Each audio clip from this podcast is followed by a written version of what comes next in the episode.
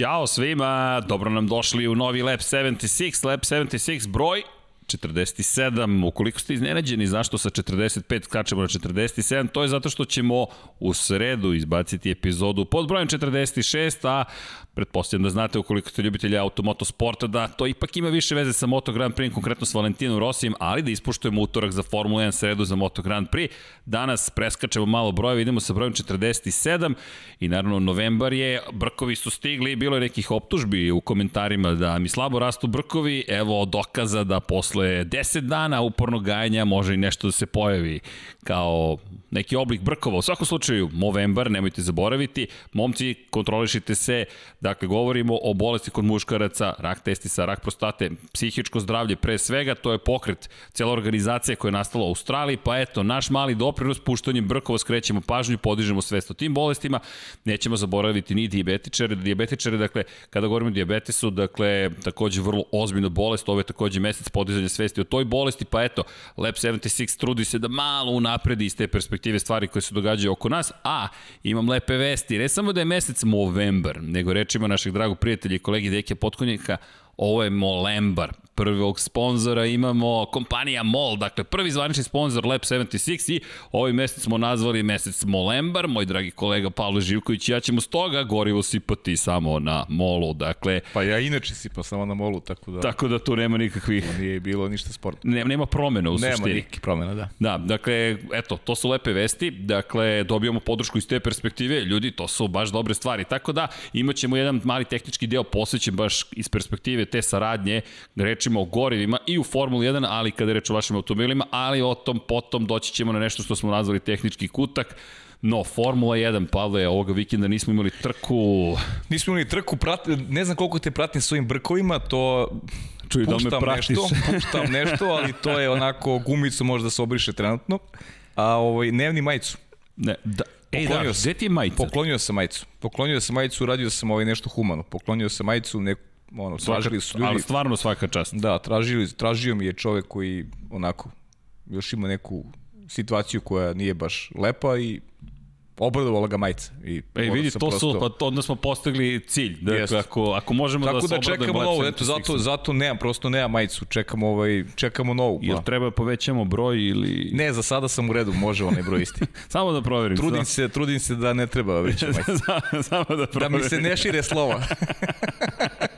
A vidi, ja to zbog kadra, ništa drugo. Ne, ne, kapiram, kapiram, da. Sve, sve je dosta jasno. Da, da radim, radim na tome da, da, radim na tome da može, može da bude i manje majice. može, ba, idemo na M. Da, da. Ajde se lažemo. Ajde, da, pa dobro, vidi, malo, malo, ipak ne, mora L da bude zbog, ne, ne, L, L, zbog L, lep, zbog L, da, da, da. zbog lep. Ne, ne, L je prosto mora bude L. Ok, to da, tako, da. tako će biti, ali, da. ali činjenica da je dosta pitanja dalje za majice. Evo, završavamo uskoro, danas idem da se fotografišem sa majicama, nekako čudan novembar, stalno nam se događaju neke neverovatne stvari, dakle i deo naše ekipe šaljamo podršku, neću da imenujem ko, ali neko ko, ko nam je zaista drag, ima neku situaciju, tako da držimo se zajedno, borimo se, ali ima pozdrave ljubav iz, iz, iz studija na kraju univerzuma, tako da eto, danas ću da budem manekin sve svojim brkovima, tako da ćete imati na sajtu koji završamo mene u majicama Lab 76, nadam se da će to poboljšati i prodaju. Pa mislim da Siguran ako, si da će ako to Ako će nešto poboljša prodio, onda će to. to. Ti brkovi. da, okej, okay, nadam se da no, će radimo, podići potrudimo se. Ja vidim, pa mi se zabavljamo. Okay, da, pa, lepo to je pojenta cele priče. Pa da. Ako iz te zabave još imamo uticaj na nekog, imamo neki efekt, šaljemo neke dobre vibracije, ljudi nas gledaju, slušaju, lepo im je, super, onda i nama lepo. Onda smo, a onda smo stvarno postigli ono što smo i htjeli, da, pa, da, da, da uživamo i da delimo Bukvalno. tu našu radost i sreću Bukvalno. i pozitivnu energiju. Jeste. Ovoga vikenda nismo imali Formulu 1, ali ajmo da krenemo od stvari koja se ipak rešila. Dakle, ne govorimo o Moto Grand Prix-u, pa jo, Chase Elliott, novi šampion NASCAR-a. Ljudi, ukoliko volite Formulu 1, pretpostavljam da volite automoto sport, čovjek zaslužuje da od njega krenemo, osvojio titulu, dakle Chase Elliott, završila se sezona NASCAR-a i, i ta poslednja trka je uvek uzbudljiva. Jeste, baš je bila, baš je bila dobra. U stvari, ajde da budem iskren. E, jedan košan koji je uslovljen dešavanjima na stazi, dakle incidentom na stazi. Jedna čista trka podeljena recimo u, onako u tri dela bukvalno u 3 dela. Imali smo prvu i drugu etapu koje su rešene u samoj završnici. Sjajan Joe Logano i rekao je na kraju trke, bio sam brz kad je bilo najmanje važno prvoj etapi. Druga etapa, fantastična borba Breda Keslovskog i, i Chase Elliota.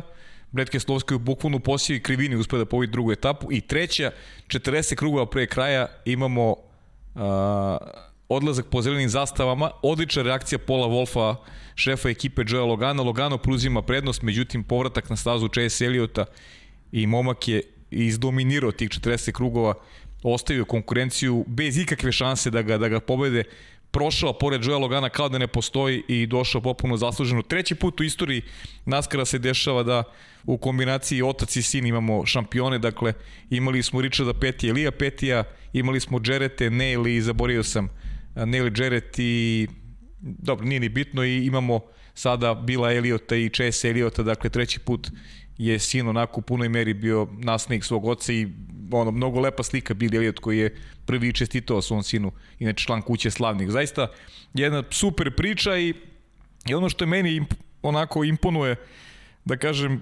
kao neko ko prati već godinama nazad uh, NASCAR, je Chase Elliot je treći najmlađi pobednik u ovom šampionatu u istoriji NASCAR-a. Nismo imali jednog 24-godišnjaka još od, od Jeffa Gordona 95. godine. Na koji način on odvezao Martinsville trku gde je imao, gde je imao must win situaciju 7 dana ranije i na koji način je pobedio u trci. Samo pokazuje ono što pričamo ti ja stalno, da ta smena generacije je onako nije uticala na, na kvalitet e, šampionate, već smo dobili jednu plejadu zaista sjajnih mladih vozača. Uz povrata Kyle Larsona je očekujem da će naredne godine biti i zabavnija, bez ozira što se Jimmy Johnson oprostio. Ne, ne samo Jimmy Johnson, oprostio se i Clint Boyer, koji će sledeće godine biti naš kolega komentator. Da, do, odlazi prosto ta generacija u da. kojoj, s kojoj smo mi mnoge počeli. smo ispratili, da mnoge smo ispratili. Ali da. nekako od, od nas je počelo penzionisanje Jest, legendi. Pa da. 2015. smo počeli da prenosimo NASCAR, učili smo zajedno i evo, pet godina kasnije, lepo si rekao, Chase Elliott, inače u broju 9, njegov otac je takođe nosio broj Jest, 9, on da. je odlučio da zapravo promeni broj baš u čast oca. Pa da se odrekne broja 24 koji je imao Jeff Gordon. legendarni broj. Manje da. više poklonio ga Williamu Byronu, poklonio po znacima navoda. to je fenomenalno vidjeti vidjeti kakva je istorija. 1988. godine Billy Elliot zapravo osvojio titulu da. i to je poslednji put da je jedan vozač bio proglašen za najpopularnijeg vozača, da je publika rekla ovo je najpopularniji vozač i da je osvojio titulu.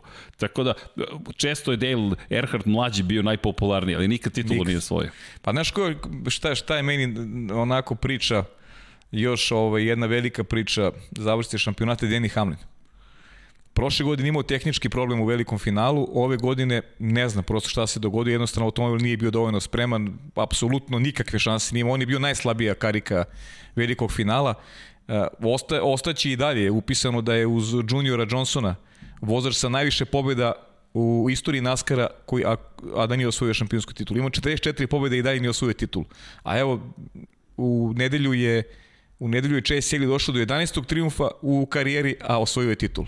Znaš, kako te brojke e, variraju i koliko nema uticaj na ono što se dešava u tim završnim trka, koliko je ta e, mentalna stabilnost, koliko je jaka e, u Naskaru voziti najvažnije te, najbolje te najvažnije trke. A Chase je u ranoj fazi karijere pokazao da, da to ume i već ga sada vide američki mediji kao možda čovek koji će naslediti uh, ove velikane. Između ostalog i Jimmy Johnsona, sjajna slika, ne znam da si vidio, da, Jimmy Johnson je penzioniše. penzioniše Još jednom kog smo ispratili. Tako je i on u stvari, on, on je u stvari taj koji je bio tu negde na ceremoniji proglašenja, voze za istu ekipu, Jimmy Johnson i, i, i Chase Elliott i u neku ruku šampion je, veliki šampion je promovisao novog šampiona. Ali to, to je zaista prelepa slika i ne samo to, i Billy Elliott koji je bio tu, dakle da. Jimmy Johnson koji odlazi, Elliott mlađi koji se odriče broja 24, Hendrick, da. da i onda gledaš i celu kompaniju i gledaš tu pobedu i koliko je mlad i s kim se bori u krajnjem slučaju Jest. i koliko nam dobrih stvari ostaje. Jimmy Johnson ove godine pokuša da postane najuspešniji svih vremena po broju titula, nije čak ni ušao u play-off, dakle juri tu da. osmu titulu,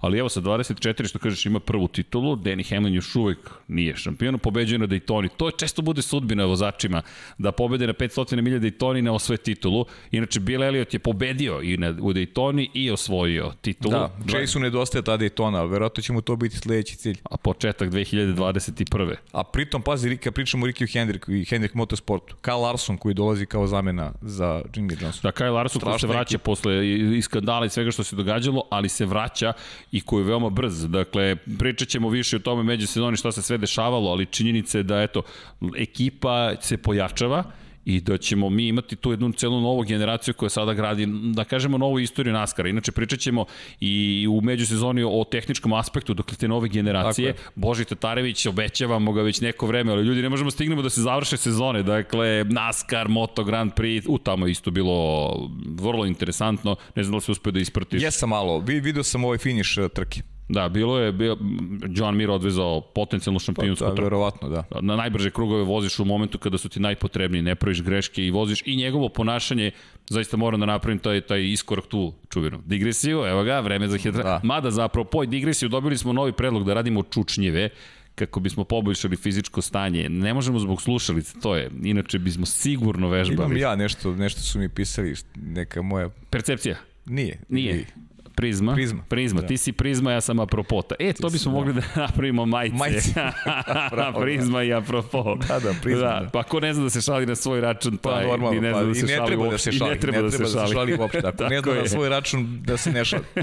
Tako da da, radit ćemo na tome. Ali da, digresija, dakle, jeste upravo u Gde sam otišao u digresiju? Da, sa Joanom Mirom. Dakle, da, moram da spomenem. Najbrži krugovi u momentu kada ti je najpotrebniji i ponašanje gde mu kažu pred početak trke kakav pritisak osjećaš. Kaže, ja pritisak.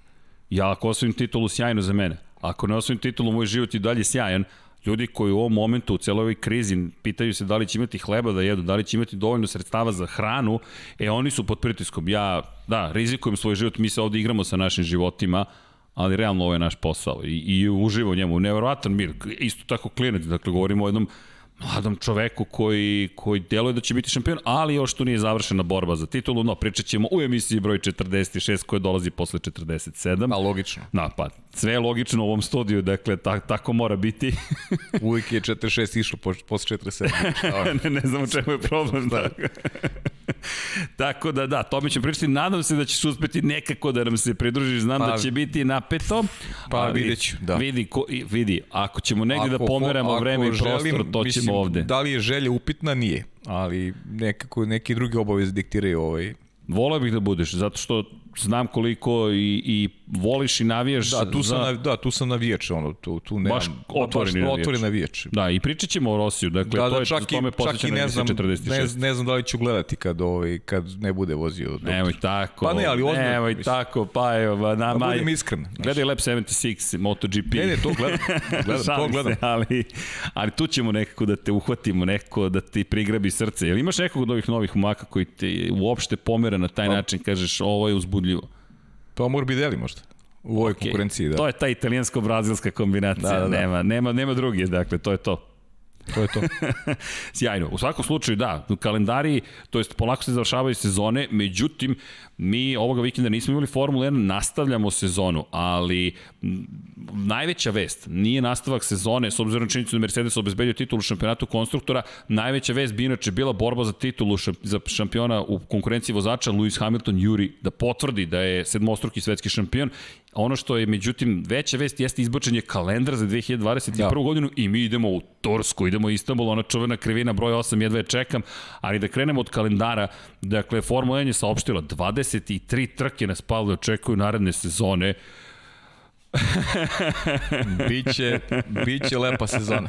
biće lepa i biće puno lepova, 76. Biće. 23 trke, Pavle, to je Pazi, obraćam ti se sa Pavle, to je dovoljno ozbiljno kolika je situacija i, i samo da krenemo da nabrojimo sve, od 21. marta do 5. decembra ćemo se takmičiti, pri čemu još jedna staza nije potvrđena, ali mnogo toga se izdegađalo. Za početak, 23 trke, ajmo pozitivno. Pa pazi, da ti kažem nešto, meni je, bit će lakša sezona sledeće nego ova. Hoće. 23 trke, ali lepo raspoređene od Znaš marta meseca. Su... Pa mi smo počeli u julu sezonu. Tako je. Znači, ovo je stvarno je Stvarno je ritam neverovatan. Mogu zamislim kako je vozačima, kako je timovima, za, kako se pripremaju, kratko vreme imaju za pripremu, trostruki vikendi se nekad dešavaju, znaš, to je nešto nezabeleženo u novijoj istoriji Formule 1 i zbog toga ova sezona specifična vrlo. Meni sledeće godine, iskreno, ja ću, uži, više ću uživati. Samo da bude taj ritam. I, I da imamo jedna trka, jedna staza Tako je. Dakle, to je ono o čemu često pričamo, ti, ti, ti nastupi I još i publika. Stazi. Da, to, to bi bilo lepo, vidjet ćemo šta će se događati, naravno sve zavisi od COVID-19, to je pandemije, ima tu puno priča o vakcinama, da ne otvaramo tu temu, dakle, mi se nadamo da će se naći rešenje. Australija je domaćin prve trke sezone, 21. marta, opet idemo u Melbourne i Australija već sada radi na tome da bude gledalac naredne sezone. Dakle, ono što je informacija koju, koju imamo jeste da se radi sa lokalnom vlašću, da se radi sa zdravstvenim, zapravo za predsednicima zdravstvenog zdravlja, da kažemo, auto, onih koji su zaduženi u vladi za zdravstvo. Dakle, u ovom momentu se priča o tome da će biti gledalaca. Međutim, i za Tursku je bilo najavljeno da će biti gledalaca. Na kraju, Istanbul je došao u situaciju da će biti domaćin, ali da neće biti gledalaca, nažalost. Pa dobro, ovo je sad kritičan period, možemo, ako, ako gledamo te brojke koje, koje se nama, ovaj, da kažem, u javnosti uh, negde nude i ono što čitamo, jasno da je situacija kritična svuda u Evropi, svuda u svetu, pa je negde i logično da, da, da nema publike sada, ali ajde svi da se nadamo da će 2011, 2011 2020 prva biti drugačije u tom u tom pogledu. Ja vidi kada spominješ 2011 ima ima ima ima ima ima prija da prijata 2011. Ima. Čekaj, te pitam koju trku si prvi put prenosio u karijeri Formule 1? Pa gle čuda Istanbul. Velika nagrada Turske. Da. Se sećaš pratići Kako komera? se ne sećam. Dakle, 2011. godina, to je peta trka sezone. Peta, da. Počeli smo od pete trke, da. Da, počeli smo od pete. Inače, pričali smo tu priču, ali prilike da je ponovimo. To je bilo, dakle, pre 9 i po godina. Sveći 10 godina kako radimo Jeste. Formulu 1. Ovo je deseta sezona i dobijamo i ti ja poziv osobe koja, da kažemo da upravlja. Osobe X. Osobe X, da, sport klubom i kaže dođite kod mene, to je jedan po jedan smo išli, ali se pa, na kraju poklopila priča. Smo, da, išli smo jedan po jedan, ali meni je naš u Italiji, ja sam u Italiji bio tada. Gde si bio? Ako nije tajna. Bio sam u Udinama, recimo, tada baš. Lepo. Da, bio sam u Udinama tada i tamo me, tamo me ovaj, našao. I šta kaže? I šta kaže, dođi, dolazi hitno. dolazi hitno imam veliku vest. Okej. Okay. Okej. Okay. I velika Dolazi vest. velika vest, Formula 1. Srđan Ercik čeka i krećemo od Istanbula. Da, i to je bilo Ali nismo tada imali, nismo imali ni, ni u malom mozgu tada, s obzirom da je sezona već počela, i zaista, ali zaista niko nije radio. Mislim da smo čak i pričali jednom kad smo se sreli tija na hodniku. Kao nema nigde formule, nema da se gleda formula. Jeste. Ako se dobro sećam. Jeste, i, i, i pitali smo se, ok, šta, ne, ne šta to znači, nego gde ćemo, gde ćemo da gledamo, da, gde ćemo gledamo, da. Ne, inače četvrta trka sezone, nije, nije bila peta. Četvrta? Četvrta, pretero sam, da. Pre, tri trke su bile pre toga Četvrta, ja se više ne mogu četvrta, setim, zaista. Četvrta trka, ali znam da su prošle trke i da smo gledali trke, ček, batit ćemo pogled, pa kako, evo neko je pitao šta sve imam na ekranu. Ljudi, kad bih vam prikazao moj ekran, mislim da bi bilo potrebno još jedna emisija cela, jedno 120 tabova je otvoreno, Da kao vidimo, i uvek. Kao i uvek. Samo da znate kao i uvek. da, ali bukvalno uvek i to nije šala. Ali šta je otvoreno? Whatsapp, da možemo da komuniciramo s Vanjom, s Dom Pablom, s Johnnyjem, kogod da je tu. Dakle, između ostalog, Slack, to je komunikacija cijele ekipe, zatim Google Chrome, Safari, šta god i onda samo otvarate tabove u beskonačnost. Elem, 2011. velika nagrada Australije Melbourne, 27. mart. U, čekaj, koji je to datum? 27. mi krećemo 21. 28. marta sledeće godine je Bahrein. Dakle, Malezija je došla, pa Kina i Turska je bila 8. maj 2010. 8. maj 2010. 8. maj 2010. Znam da je bio utorak kada smo dobili informaciju, momci, dolazite, meni je rekao, napravit ću u tebe zvezdu. A mislim da je, da je tako nešto, da. da. Da je rekao i meni tako nešto. Nije mu baš uspelo, ali... Da. ali okej. Okay. Ne ide nam baš da budemo, A, da, da nismo budemo baš zvezdani. Nismo baš rođeni da budemo zvezdani, dobro. E, ali imamo brkove. Ali dobro, radimo, reci, trudimo se. Brkove, trudimo se, tako da. da nije loše. Da, u svakom slučaju, velika nagrada Turske, odnosno mi u Istanbul Park. Istanbul Park koji je jedna zanimljiva zaista staza. Yes. Dakle, pričat ćemo više o njoj, ali ta čuvena krivina 8 koja ima jedno, dva, tri, četiri teme na krivine, mada kako su počeli da imenuju krivine, mislim da ćemo imati umesto zvaničnih 14 krivina, vjerojatno 28 krivina da, e, sada pa kad stignu. Tako je, da. Pa će sada da promene, verovatno. Broj ih drugačije. nešto čudno ih broje. Yes. Ali to je fenomenalno. Vanja, poslaću ti sa Twittera, negde ćemo da nađemo Istanbul Park, krivina broj 8, kako to izgleda. Ljudi, to je spektakularno, zaista. Mislim da je Formula 1 zvanični Pamtiš ko je pobedio, to je naša prvi trci koji Sebastian Vettel. To sećam se te, evo, da, da bacio Dom Pablo ko? Pokazuje ovaj sklonosti ka... Sklonosti, znamo mi za koga navija. Dom Pablo, ali pričat ćemo Sebastijanu Fetelu. U svakom slučaju, da, Istanbul nam je bio prva trka, pa nekako smo uzbuđeni dodatno. Imolu smo iz jedne druge perspektive posmatrali, sad stiže Istanbul, ali kada je reč o onome što je kraj sezone, Istanbul, pa dve trke u Bahreinu, velika nagrada Bahreina, velika nagrada Šakira, s tim što ćemo imati taj puni krug u Šakiru, to će biti je- fenomenalno i Abu Šta je Dhabi. interesantno kad je Bahrein u pitanju? Da. Eto nas u martu već ponovo u Bahreinu. Znaš, to je... Ovako. Dve trke imamo sada u kraj novembra, početak decembra i u martu smo ponovo u Bahreinu. To se, to se zaista nije desilo, Ne. pa možda i nikada, da, da jedna staza u tri meseca tri puta dočeka vozača Formule 1. Ne, to, to, to je ba... Dešavalo se da se pomeri pa da bude dva puta Malezija, ali tri puta to nismo imali. Da. Tako da će biti ono što će biti razlika jeste taj oblik staze. U svakom slučaju, dakle, izbačen kalendar, ono što pratimo takođe izbačen je kalendar Moto Grand Prix-a, E da, to je interesantna priča, da, to je Da. interesantna priča, poklapanje, dosta poklapanja. dosta, pokla... mislim da nikad više nije bilo poklapanja. 11, 11 11 trke, vikenda. da. Ćemo imati preklapanje između Moto Grand Prix i Formula 1. Gledamo se ti i ja, ne znam kako ćemo to sve da izvedemo. Pa do, to, mislim, kako ćemo, kako ćeš, pre svega, znaš, to je okej, okay, mislim, navikli smo već, Nekako. Radimo sami levo desno nekad, znači, ono, ima, to, to, to smo Snađemo već se. ušli, snađemo se, nije problem, ali a, Ako Znaš- pričamo isključivo iz tvoje prizme, možda i bolje što ima toliko poklapanja, jer zamisli da nema uopšte poklapanja, to je koliko onda, 43 vikenda, to je, 43 to je onda imaš samo, vikenda imaš samo radio. tri vikenda u godini slobodno, što, što je ipak, E, ipak a vi previše, kolega ipak slobodni? previše. Ne, ne pa, ali dobro, iz perspektive, ajde, sebično, o, egocentrično, dakle, kada gledam sad znamo datume, makar se nadamo da su to ti datumi, drugo, naučili smo, organizatori su naučili tokom ove sezone kako u svemu ovome da funkcionišu, naravno ne znamo da li ćemo putovati van Evrope, deluje da će to biti moguće, već uveliko se na tome radi, verujem da će zaista biti ostvaren ovaj Ja kalendar mislim da hoće, da. čak sam prilično siguran, ali činjenica je da eto, imaćemo poklapanje, međutim, neka od poklapanja neće biti u istim vremenskim zonama. Na primjer, velika nagrada Argentine u Moto Grand Prix 11. april, u to vreme mi smo u Kini, ako se ne varam. Da, Kina, Šangaj, tako da ali to, to, to je tek zabavno. Dakle, ujutro se radi Kina, uveče se radi Argentina. O, ovo je bilo čak i u Rimi. O, Te, teško je gledati, a kamo li raditi. Ali dobro, mislim da će biti budan, da će vreće za spavanje oživeti na sport klubu. E, to da, nismo je koristili. Nismo ove sezone koristili. Eno je spava. To je jedina prednost koju, ako mogu da kažem za ovu godinu. Vreća spava, vreća spava. Vreća spava, ima tamo montažni krevet, sve ima. U svakom slučaju, da, 11 preklapanja, ono što je zanimljivo kada je reč o samom kalendaru, dakle, vraćamo se na uobičajena mesta, Australija, Bahrein, Kina, međutim, 25. april stoji upražnjeno i moramo da se dotaknemo jedne važne teme kada je reč o kalendarima. Dakle, ono što je neverovatna vest, ali istinita vest je da je velika nagrada Vjetnama obrisana sa kalendara, dakle neverovatno, ali istina, eto, prema pisanju, pisanju Luka Smitha, motorsport.com, topla preporuka, dakle da ispratite taj web sajt je kao jedan jedan od sajtova izvora informacija.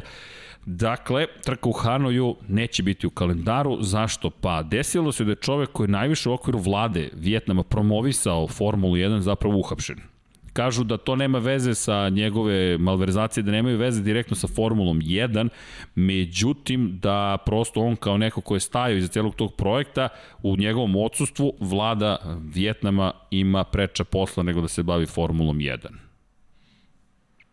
Pa možda je to i neka poruka njemu možda. Znaš, možda je to malo lično cijeloj priči. Ne znam šta se tu desilo, ali činjenica je da je ne znam što obrisan. bi vladi Vjetnama smetalo da, da imaju Formulu 1 zbog jednog čoveka koji je koji je uhapšen, a pritom da te malverzacije nemaju veze sa organizacijom trke, ali dobro, mislim, to je... Da, jedna bizarna situacija u svakom Jeste bizarna slučaju. situacija. Ali eto, i to je deo Formule 1. U celoj, u celoj priči st- stradaće po znacima navoda oni koji vole Formulu 1 u Vjetnamu imali su eto priliku da, da gledaju trku, a uskrećeno, bit će im uskrećeno to pravo i zadovoljstvo, tako da samo tako gledam na te stvari, Ali- ne, bih, ne bih zalazio u, Ne, nemamo ni šta u da dodamo. Dakle, ono priče, što je da, Andrew ono. Benson iz BBC-a izvestio jeste da, eto, da, da, da jeste potvrdio to hapšenje, dakle, ono što znamo jeste da, da iz perspektive kalendara imamo upražnjeno mesto, ne znamo ko će se tu naći, uvek imate ljude ili staze koje bi želele da, da učestvuju u svemu ovome,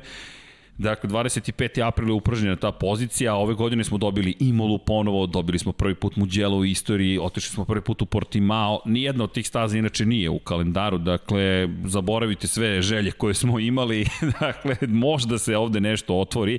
Dakle, nadamo se da će se to desiti. Inače, Brazil 14. novembra isplaniran, ali piše Sao Paulo sa zvezdicom, s obzirom na činjenicu da će možda Rio biti domaćin. Za sada izgleda da je Sao Paulo dobio potvrdu čelnika Formula 1. Barcelona je tako takođe nije tako je potpisala ugovor, Barcelonu bi trebalo da posetimo 9. maja, i dodaje se u celu ovu priču, dakle, Saudijska Arabija.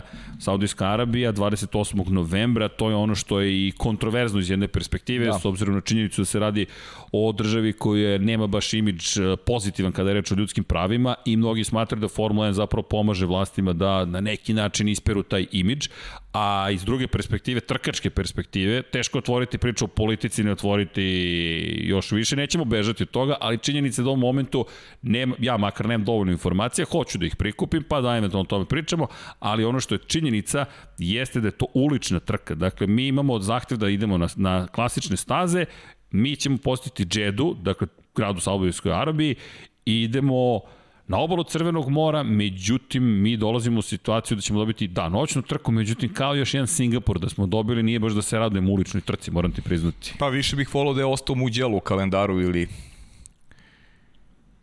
ili Portimao recimo. Da. A, ali dobro, to je, Imola. rekao si da sve, pa manje više sredine politika je, sve politika nam kreira sve životne sfere, tako da ne možemo toga da, da, da pobegnemo generalno i znaš i sam, uvek smo pričali, ja ne volim te, te trke, te ulične trke, mislim da ih ima previše u kalendaru, ne donose neku, neku veliku zabavu, Prosto djeluje kao da. neki da. show koji je, možemo da razumemo da ih imamo neke. Monako je svakako Monako, on ima svoju pa priču. Pa to smo pričali x puta. Tako mislim, je. Ja bih se i zadržao na Monaku. Ok, ima priču o Azerbejdžan, realno, ima priču drugačije, imamo taj dugi Meni... pravac koji je, znaš, nešto, nešto donosi novo. Recimo, Meni ali... čak i Singapur mi je bio, zato, s obzirom na činjenicu da je prva noćna trka, ali ako imamo 20 trka, tri trke ulične da kažemo, ajmo da se tu zadržimo, da imamo klasične trkačke staze. Ako ovako nastavimo da širimo, ono što je pozitivna vest iz jedne perspektive, Chase Carey, izvršni direktor Formula 1, još uvek izvršni direktor Formula 1, je rekao, potvrdio da velika nagrada Majamija neće biti održana. Dakle, da su stavili planove po strani, Tako da makar jednu uličnu stazu nećemo imati u kalendaru. Zašto makar ja ne volim, cenim da slično razmišljamo, dosta smo pričali, ali da ne govorim u tvoje ime. Dakle, teško je preticati, teško je bilo što raditi, zato izdvajaš Baku. U Baku mi stalno imamo preticanje, stalno imamo neizvestnost, da, imamo ima. trkanje. Uvek, uvek su dobre trke, zaista. I, i, iako I smo bili skeptični, pravac, da. Jeste, bili smo skeptični, pa Ko ne bi bio skeptičan? Da, pa mislim, pogotovo kad ne poznaješ još teritoriju, ne znaš stazu, pa kad su krenule trke videli smo da, da, da tu ima materijala za onako za, za jednu dobru zabavu i mislim da je Baku se već urezao se negde u da kažem neku lepu i memoriju svih ljubitelja Formule 1 i sa zadovoljstvom ponovo uh, prilazimo velikoj nagradi Azerbejdžana kad, kad, god, kad, god, kad god je ona na reportaru. Pardon. Možda da se zahvalimo Nguyen Duk Changu koji je uhapšen u Vjetnamu pa smo ostali tako bez Tako se zove čovjek. Da, tako se zove čovjek. Dakle, u avgustu je uhapšen i inače smatraju da je davao državne tajne. Tako da je to razlog zašto ga praktično tu nema. Međutim, ono što je Pozitivno, prema izveštaju BBC-a, Istanbul, Imola i Portimao su u igri da zamene veliku pa da, pa nagradu Vjetnama. To, to jeste pozitivno. Tako da, eto, Iskreno, nadamo se. više bih volao da budu to Imola ili, ili Portimao, morate priznati. Ja je isto navijam. Iako nas emocije onako vuku prema Istanbulu, tebi i mene. Da li Imola je, meni, meni je bila Imola baš dobra. I, Super i Portimao je, je bio dobar, zaista su bile jest, dobre trke. Jeste obe trke. Ali ajde da sačekamo da vidimo šta će se to desiti u, u Istanbulu, da vidimo da, dakle, da li ćemo dobiti tu neku trku koja je koja je toliko posebna da kažemo, ok, želimo Istanbul. Ali šta, da šta me zanima, jesi da. razmišljao o tome? E, da li ti se čini da, da, da će možda te brojke da se povećavaju iz godine u godinu? Pa mislim da hoće. Iskreno I, mislim, ja mislim do 25 da, da ćemo ići. I ja mislim da hoće. Da. 30 mi deluje gotovo nemoguće. Meni čak ni ta brojka ne deluje nemoguće. Misliš da ćemo doći dotle? Mislim da ćemo čak i doći dotle. Meni to iskreno me malo plaši. Da. Malo mi obesmišljava celu priču. Dakle, ako, ajmo, ajmo ovako. Uh, Govorimo često o statistici, dotaći ćemo se toga, dakle još jedna istorijska trka iz perspektive Luisa Hamiltona, dakle ovo je prosto ta godina, Ali, Pavle, 15 trka smo nekad imali, 16 trka a, po, Formula 1. A pogledaj sada, pogledaj koliko ima već uh, trka 23, a ajmo da, da vidimo koliko staza ima na kojima se ne vozi trka Formula 1.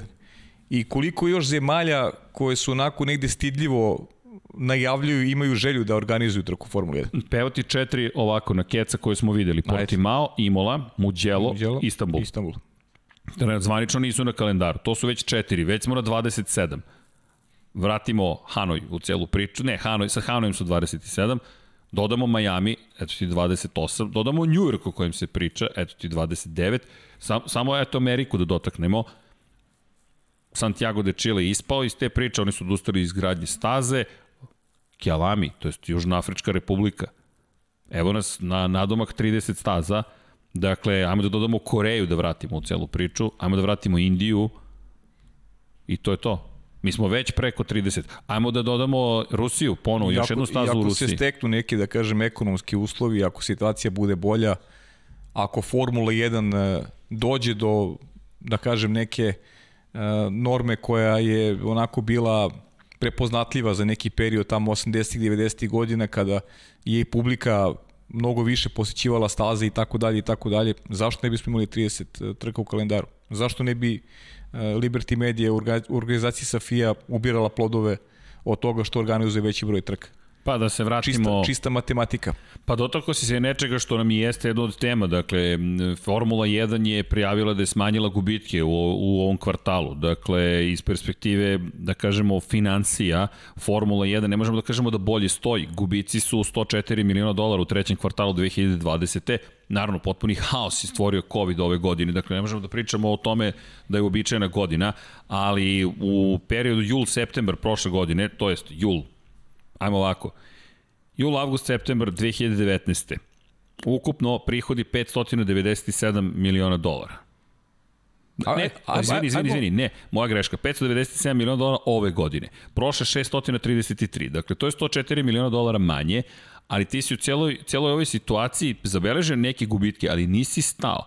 Biznis nije stao. Gde su skočili gubici? Gde su skočili zapravo prihodi? E, više zarade trenutno imao od televizije i od reklama, s obzirom na činjenicu da više ljudi stoji pored, je pored malih ekrana, ali je gubitak zapravo u tome što nisu na stazama. I sada ti, da bi nadoknadio te gubitke, ako te pratim dobro, sad ti mi ispravi ako grešim, uvedeš još nekoliko da. trka pa, i to je to. Evo ja ću pojedostaviti stvari. Volim to da radim. Molim te. I uvek se fokusiram na ono što radimo ti ja. Vanja, Don Pablo. Pa, i smo se pohvalili na početku emisije. MOL. Jeste. Imamo prvog sponzora. Prvi sponzor. Pa Tako čekaj, je. zamisli da počnu sad da se pojavljaju novi sponzori.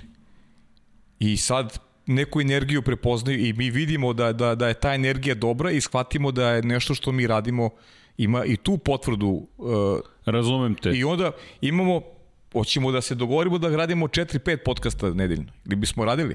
Pa, pa radili bismo. E, možda, bi, možda bismo ili ćemo ili emisije. Ćemo, Da, ili emisije, specijale, specijale, dokumentarce. Nešto ćemo da radimo, znači nešto će da nas nešto će pa. dodatno da nas animira, da se ne lažemo, znači treba da svaki čovek želi da zaradi, da ima I, da ima nešto, pa, naš, čekaj, zamisli, evo ti ga san. Dakle, bavimo se samo Lab 76, to je Infinity Lighthouse-om ti ja imamo dosta poslova. Dakle, ovde smo, Tako uživamo, je. volimo ovo što radimo. A biće, ali biće i Vanji još draže da, da, da, da snimi nove emisije, da, da natiraće nas. Da, Don Pablo je Don jedini Pablo koji odbija da, to. Da, dakle, da, Don Pablo, Don Pablo da, ima da, drugu životnu filozofiju, jest, ali jest. to je neka druga priča. Pa zato sam prvo rekao Vanja, da. Tako je, tako je.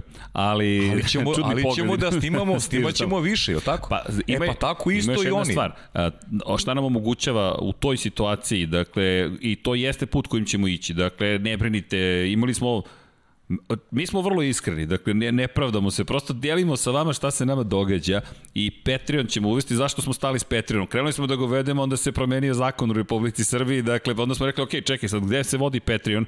Sve radimo po zakonu, dakle iz te perspektive Patreon sada ka kompaniji treba imati i kompaniju, pa i su to neki troškovi, onda treba da odeš na put, to su dodatni troškovi, yes. dakle platiš poreze, Niko ne voli da da iz džepa bilo šta, ali mora da se plate. Potrebno platiti poreze, dakle koliko god bili za nešto protiv. Svi zajedno činimo ovo društvo, dakle da, da ne otvaram još šire temu, ali činjenica da je to protok neki novca i zatim hoćemo nove videe, hoćemo nove fotografije. Pa to isto košta, mi moramo da ih platimo. Dakle, da bismo ih platili, moramo neko da prihodujemo. Ista priča je sa Formulom 1. Dakle, prihodi neko stižu, negde ih trošimo i vrtimo sve stvari u krug, ali stvaramo, nadamo se, još bolje stvari. To je bolje emisije. Dakle, vodimo zaista računa o tome i, i, i hvala vam za podršku. Ja moram da kažem hvala još jednom. Majice stići će. Majicama ćete nam takođe Ljudi, pomoći. nema, evo, ja još nemam majicu. dakle, ne verujte, ali ove godine ne znam šta se znamo sve nije izdešavalo. Ja, ja mislim na kraju 2021. da treba, 21. Ali, da, da sedemo da pričamo kažem, o ovoj godini. Još jedna stvar koja je bitna, da, treba pričamo o ovoj godini. Seti se i, i, i namestila si neka priča da smo bili aktivni, mi smo manje više aktivni. Ja se ne sjećam od marta meseca da smo da, imali da. neki slobodan vikend, znaš? Je, jedan. Jedan, ja, ja, ja se ne sjećam, stvarno se ne sjećam nekog slobodnog vikenda. Ja. Radili smo onaj, onaj virtualni NASCAR, Radili smo virtualnu formulu. E-sport trke Formule 1. Da, znači radili smo, no, stop smo bili u, u, u nekoj priči i evo to, na kraju godine, pa vajda smo i zaslužili da nam se nešto vrati, a? Pa, da, jesmo zaslužili, ali vidi, čak ne pričamo na zaslugama, dakle, znaš šta, ta, me, ja moram ti priznam, možda sam ja Tako, na, na svoju ruku. Evo, gledam Dom Pabla koji pa, jede med, ne znam zašto, ali dobro. Znaš šta mi se sviđa dakle, ovde? Znači, generalno, mi smo ovde svi pomalo na svoju ruku, što je dobro. Znaš. Jesmo, vuče svako na neku pa da, svoju to je, stranu. To je gore, dobro, dole. znaš, ali smo razumni, znaš, i hoćemo da saslušamo jedni druge, to je poenta. I uživamo u međusobnoj energiji. Vidi, ja sam već dobio ove godine. Ja, ja sad pričam krajnje sebično, ovo je bio neki san koji sam imao davno, ti znaš vrlo dobro čemu da. smo sve pričali i, i pogotovo prošle godine i sad ti i ja snimamo, sad se već podrazumeo da ti i ja snimamo i da je utorkom dan za Lab 76 Formula 1. Ja ne mogu te opišati koliko se ja radujem kada dolazim, imam osmeh na licu kada dolazim da snimam Lab 76, stavim majicu yes, yes. i pre neki sam bio u majici, razmišljam, čekaj, ovo je nešto što smo mi izmislili i zabavljamo se i, i mnogo mi je lepo. Tako Ali da... meni je super, čak i u nekim stanju, evo recimo danas baš nešto da sam nešto malo glava, levo, desno, ali uživam, razumeš? Znači, ne, nisam neko, nešto ono...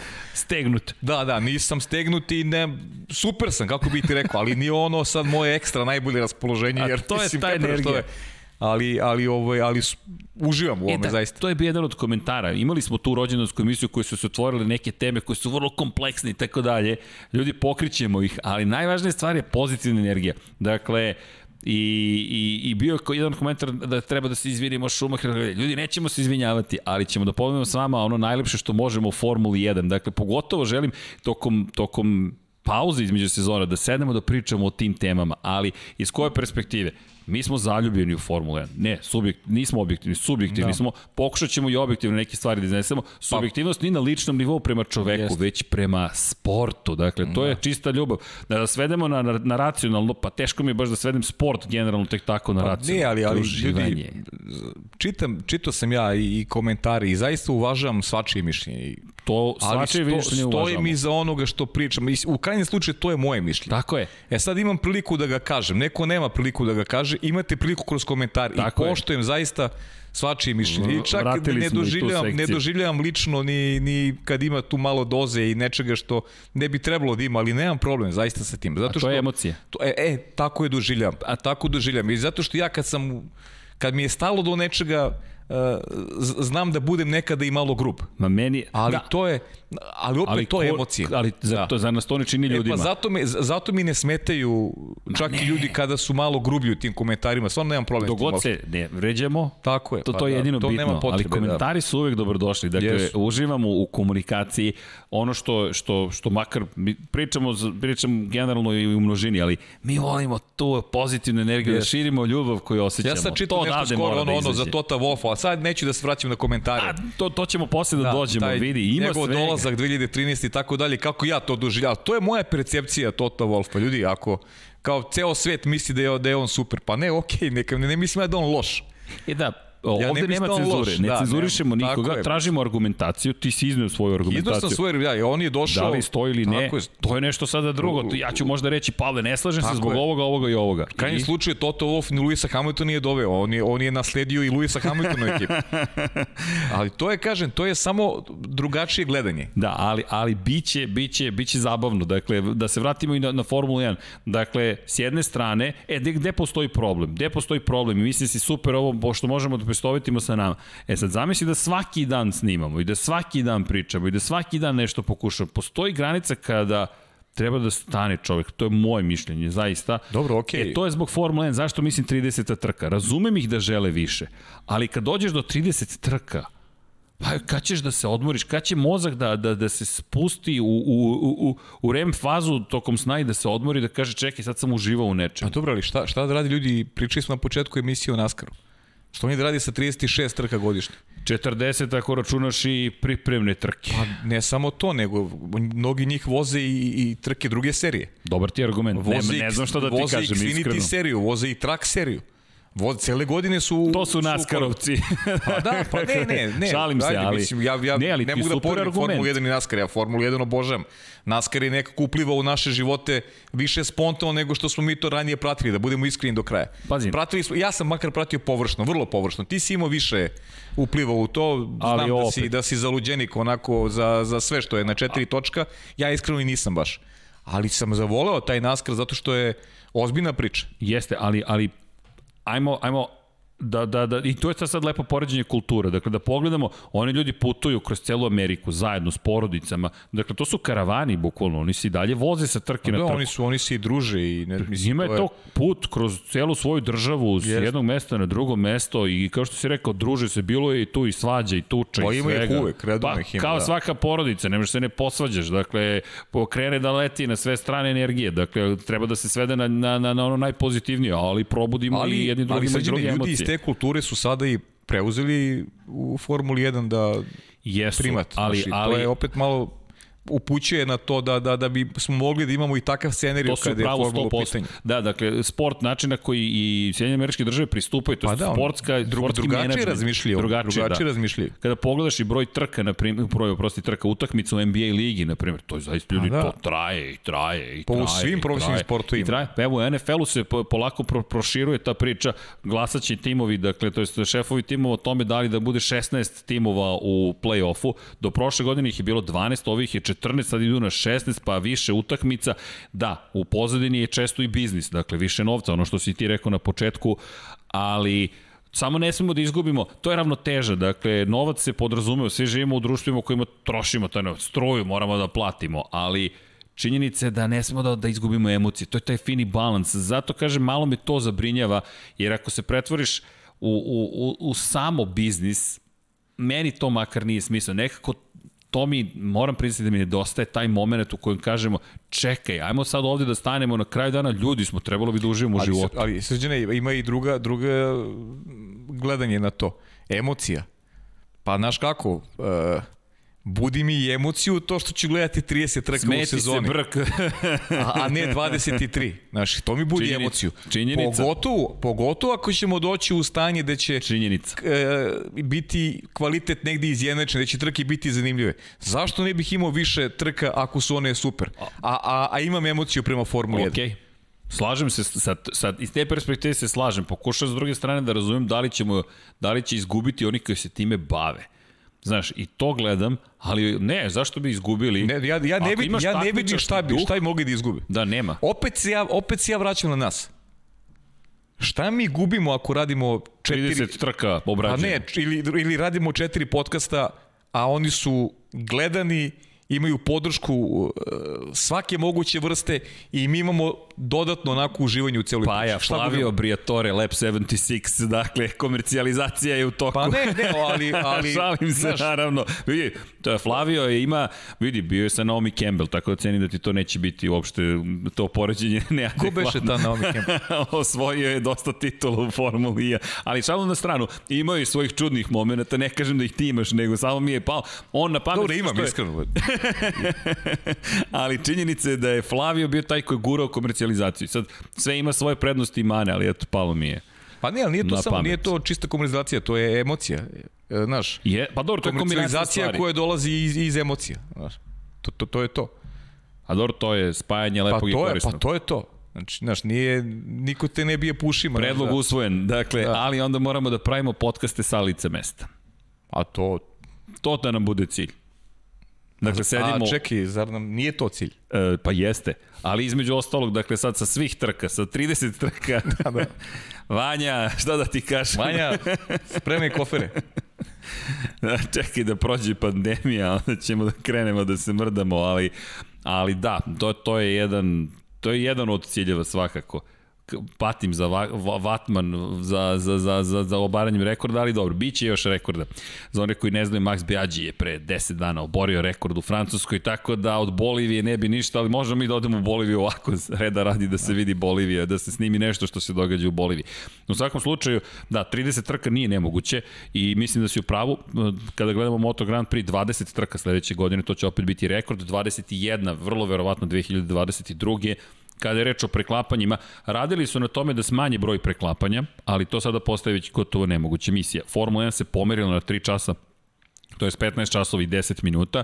To je palo u vodu ove godine zahvaljujući činjenici da je zapravo u jesen smo ušli u, u Evropi, ali generalno pa sad pogotovo u nedelju ne zaboravite u 11. čini mi se je da, da, da, potpuno, potpuno je Sve je drugačije, promenjen. Da dakle, raspored. Trening u petak, već u 9 ujutru je prvi trening. Da, i evo, krećemo, dakle već sada e, sa tim da vidimo kako ćemo uopšte da uklopimo ovaj vikend, a For, Formula 1 je otišla u Istanbul, s druge strane ostali smo u Valenciji kada reč o Moto Grand Prix-u, no ono što je lepo i to je post Bernie Eccleston era u Formuli 1 i jeste činjenica da su počeli da komuniciraju Moto Grand Prix Formula 1.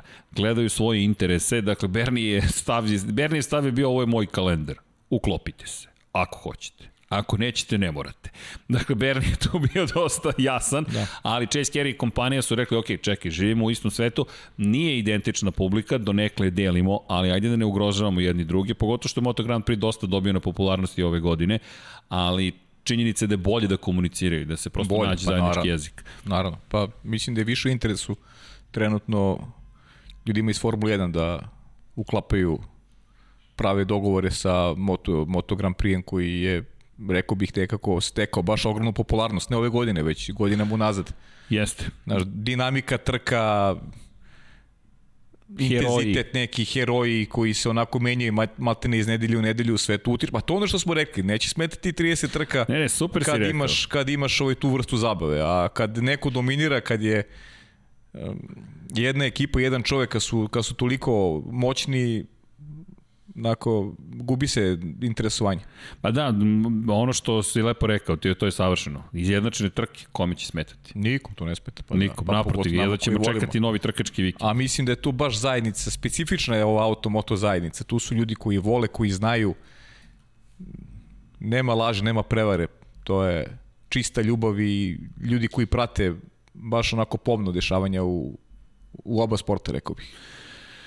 Dobro, 23 trke, jedva čekam, ali da vidimo od naredne godine, da, za početak pre svega da svi budu zdravi, pravi, pa onda da krenemo dalje, vidjet ćemo i u, u ovoj relativno novoj staroj formi. Evo ga kalendar. Da. Hvala Vanja, vredan Vanja. Evo kako to izgleda, dakle, do 23. Abu Dabija, dakle, za oni koji slušaju, isčitaću sve, svih 23 trke i posvećujemo ovome dosta vremena s obzirom na činjenicu da ovo je jedna od najvažnijih stvari koju smo čekali, dakle kako će izgledati taj čuveni kalendar. Australija 21. mart, 28. Bahrein, 11. april Kina, 25.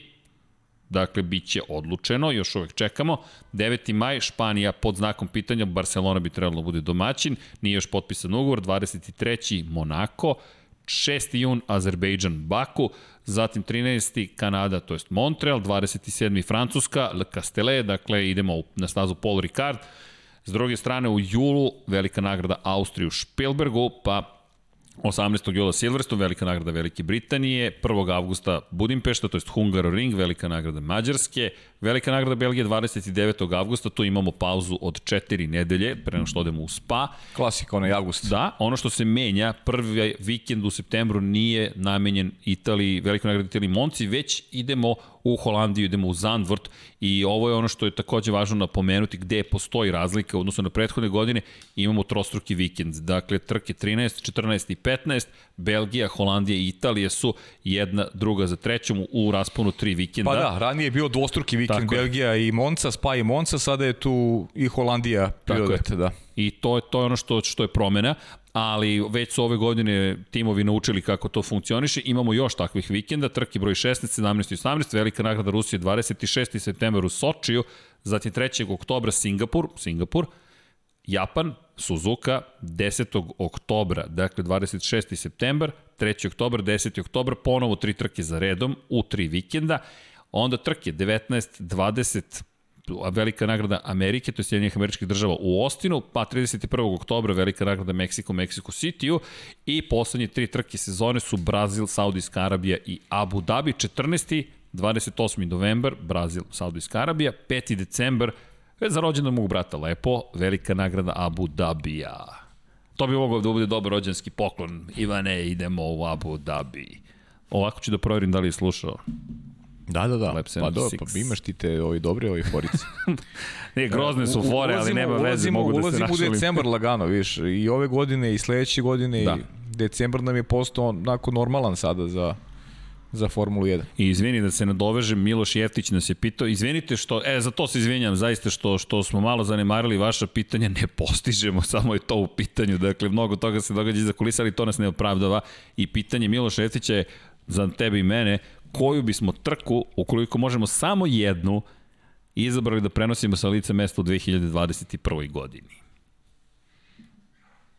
Koju bismo trku izabrali? Da, od 23 koje su na raspolaganju.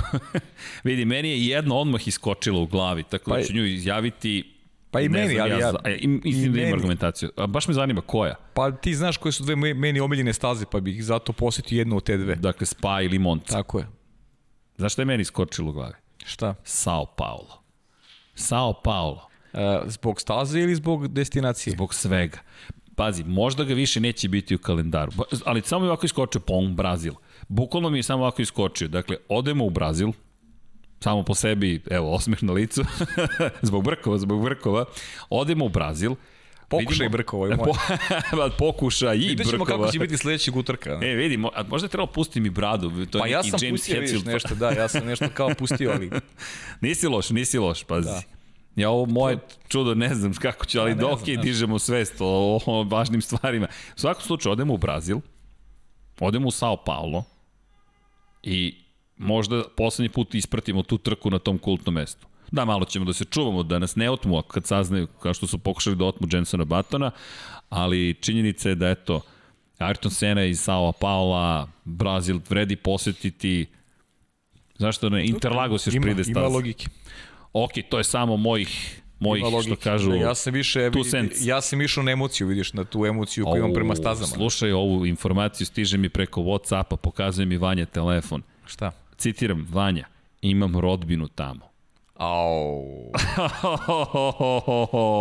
Au, znači Sao Paulo definitivno. Sao Paulo, ja mislim da smo se... Evo, samo da ti kažem, se ni, nisam ni ja tikva bez korana kad je Sao Paulo. Nemam rodbinu, ali bi mogao da se snađem.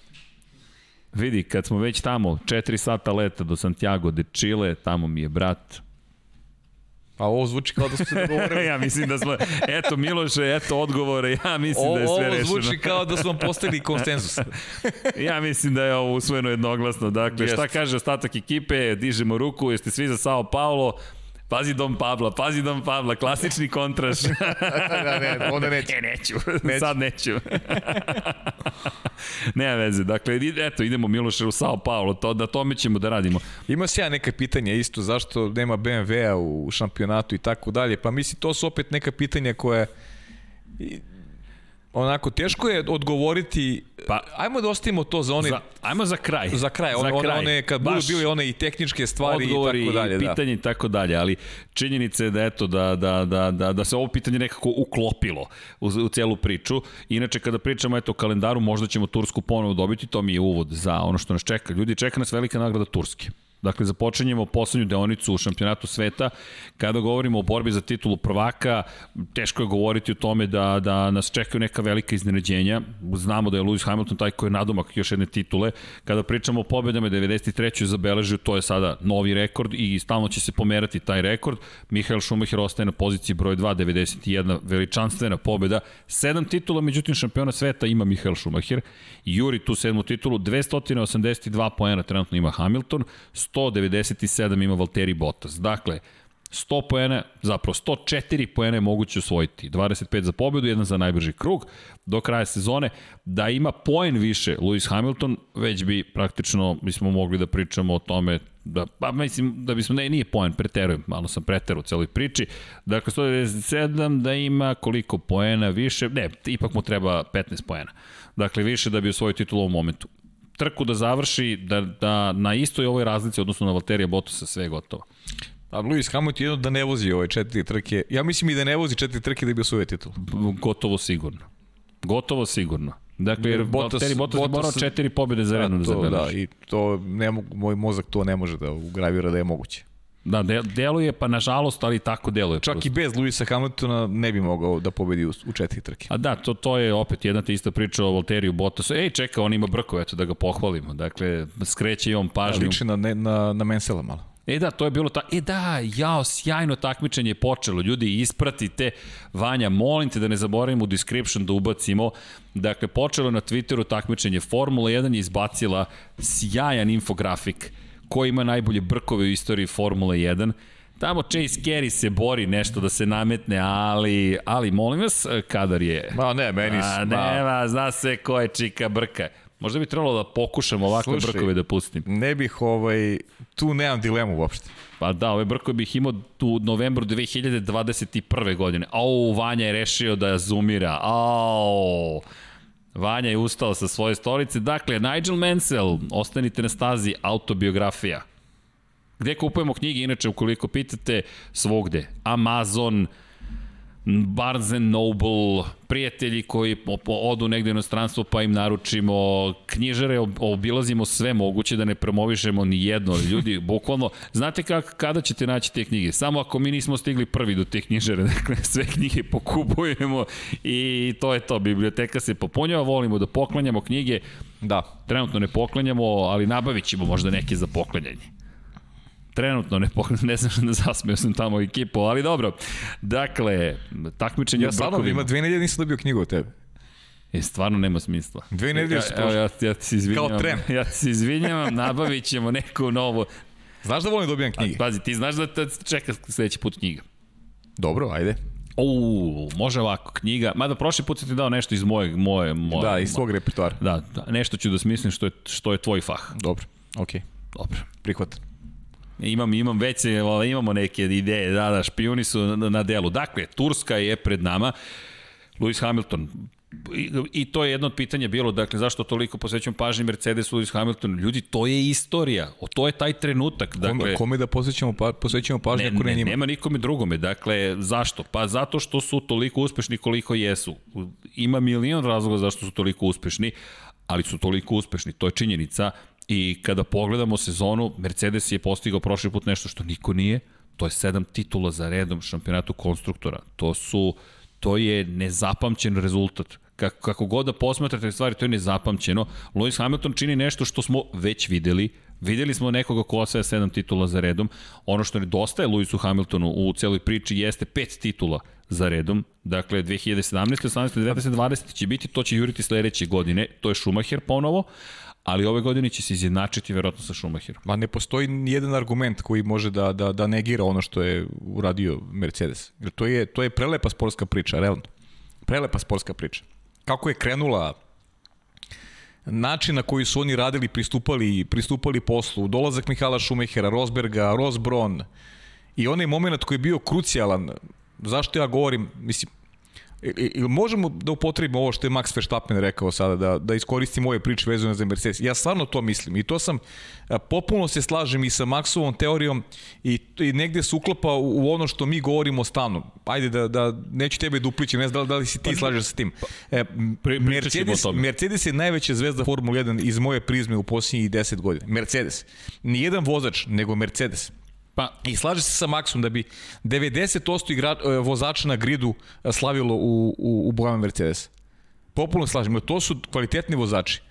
Baš kvalitetni vozači. I mislim da da je drugačiji izbor bio oko, oko izbora, mislim, unutar ekipe, ko će voziti, da je bio Sebastian Vettel na, na mestu Luisa Hamiltona, da bi Sebastian Vettel isto imao ovakav učinak kao što ga ima i Lewis Hamilton. Pa ono što je zanimljivo, dakle samo da kažemo, da, u celoj ovoj priči, Lando Norris se oglasio nekom sličnom izjavom gde, gde je rekao da Lewis Hamilton suštinski ima samo dva rivala na stazi, Valterija Bottas i Maxa Verstappena u Red Bullu, ali šta je rekao za one koji eventualno nisu to ispratili? Dakle, Max Verstappen je izneo i to taj citat mi se dopao iz Essential Sports, dakle Bargav Gopal je to lepo napisao, izneo je nepopularno mišljenje ili popularno mišljenje, zavisno od toga koji tabor Obično se dele po taborima ljudi, ali ja to ne volim, ne volim te ekstreme. Pa Međutim, ne, činjenica je da u zavisnosti od toga za koga ko navija, često se dobiju druga povratna informacija. To je opet ono, emocija.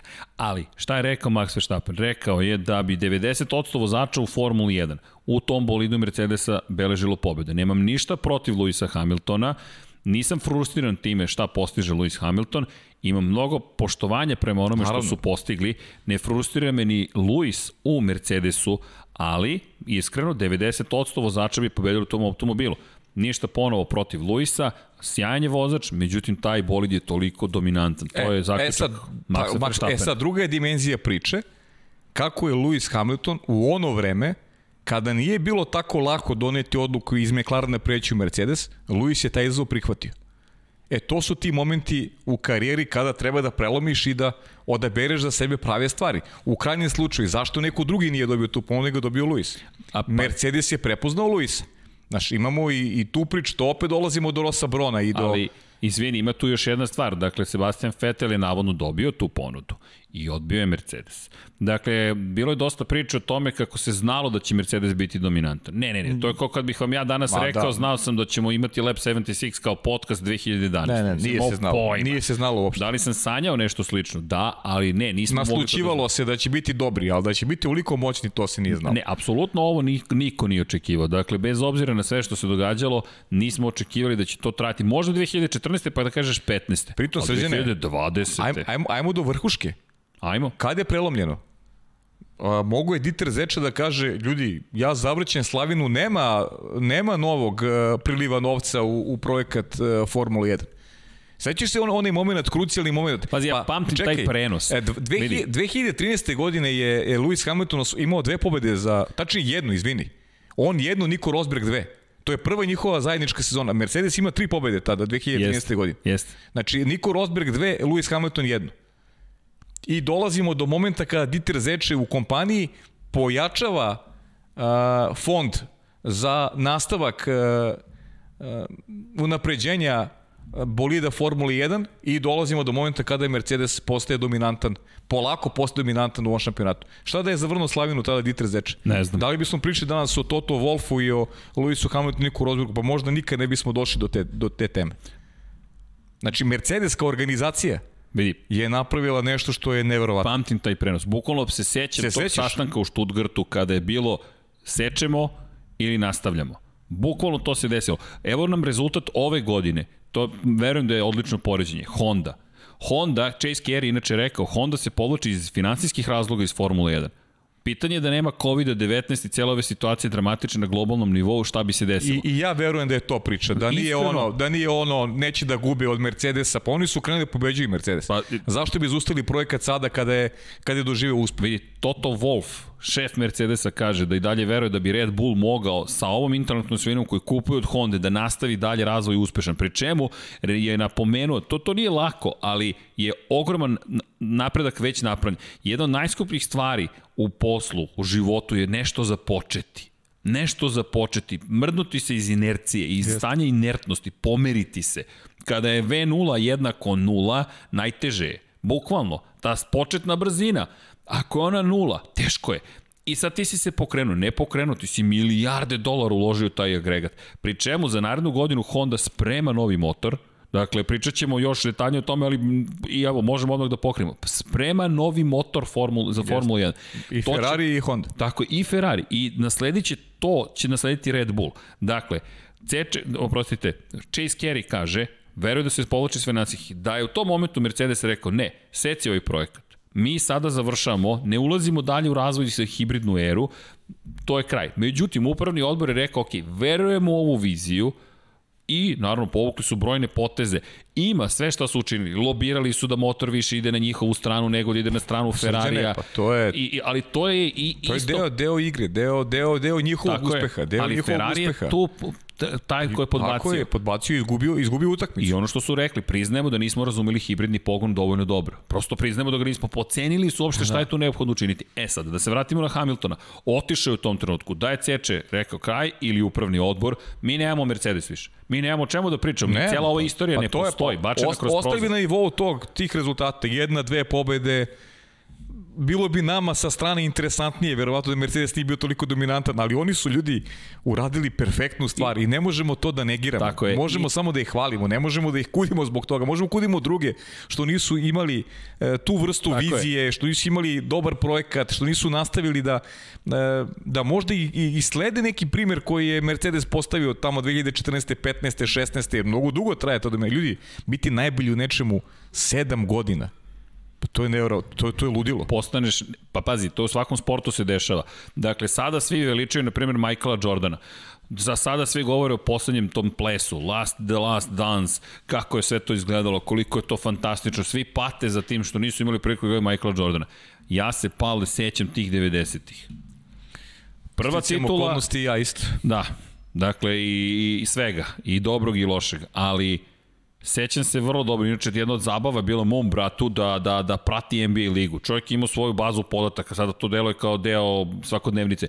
Bukvalno, pre interneta pisao je, uzimao je kupove sportski žurnal i prepisivao statistiku u svoju bazu podataka i lepo programirao tabele da on vidi šta se tu događa. To, to je njegova strast bila. Dakle, to, to, to, to je moj brat. Dakle, obožavam ga, čovjek je noći provodio gledajući NBA ti znaš o čemu govorim, znaš Znam, celu porodicu. Ne, znam, dakle, da. I o čemu se sad tu radi? Ti gledaš, nije navio za, za, za Chicago Bullse i, i posmatraš čoveka koji se sad nervira. Ne, poštuje, ali i, i Jordan, i Pippen, i Rodman, i svi, na glavu su se svima popeli. Većina je bila protiv Chicago Bullsa. Ta sada iluzija, jao, svi su obožavali Chicago Bulls. Pa nije, ali Ma kako? kako su počinjali? Pošto sam ja navijač Detroit Pistons. ne, okej, okay, vraćamo se 80. Su, upravo tad sam pratio više. E, tad su Pistonsi Jeste. ga tukli i nije tukli mogao da uđe u finale i tukli ga. Izašli sa, sa terena, nisu hteli A, dobro, e, to, to, to kad su izgubili, to kad, to kad su izgubili, tako kad su izgubili se sa terena, ali pre toga nije mogao da uđe u dve e, titule su osvojili tada. Dve titule osvojili, nije mogao Chicago pored Pistonsa da dođe u finale isto. Nije, nije, nije mogao. Ili da dođe u finale lige, zato što je dobio batine, zato što drugi nije, drugi drugačije košarka se igrala. Drugačije košarka se igrala, bukvalno I, i to je kraj 80-ih gde gde bukvalno su imali odbranu protiv Jordana. Znalo se povrediti ga, udariti ga, poniziti ga, iznervirati ga, izbaciti ga iz takta. Tako je. I to je bila taktika, ali kažem sada svi to posmatruju, jao Jordan, svi pate za Jordanom. Slična se situacija desila sa Schumacherom verom u Ferrariju. Nisu svi obožavali Ferrari i Schumachera, naprotiv, ali Schumacher, e to ono što, što nismo, nisam, nisam, moram priznati da to sam zaboravio da kažem u ovoj rođenskoj emisiji. Schumacher, da, divnu knjigu izdao, tu knjigu, to moram, u to moram se Dekim se, da sednem, da, da se dogovorim. Deki Potkonjak izdao sjajnu knjigu, zove se Crveno i crno, gde upravo piše o tome, evo pokazujem i da je tu, evo je Evo malo još reklame. Dakle, ne znam da li će biti ponovo izdata, ali Dejan Potkonjak, Schumacher, crveno i crno. O čemu se radi? Crveno, očigledno Ferrari, crno, onaj manje popularan deo karijere Mihaela Schumachera. Međutim, aj pričamo o crvenom. Kažu crveno je boja ljubavi, ne ulazim u to, dakle dalje crveno, plavo, crno, zeleno, žuto, svako ima svoje boje, ali je pojent o sledećem koliko je pozitivne energije i ljubavi stvorio tim Ferrarija zajedno s Mihaelom Schumacherom kroz te godine. Dakle, koliko je inspirisao ljudi da počnu da gledaju Formulu 1, da voze u toj istoj Formuli 1, da žele da pobede te rekorde. Zato je meni Mick Schumacher i njegov izjava onako fenomenalna sa Lewisu Hamiltonu.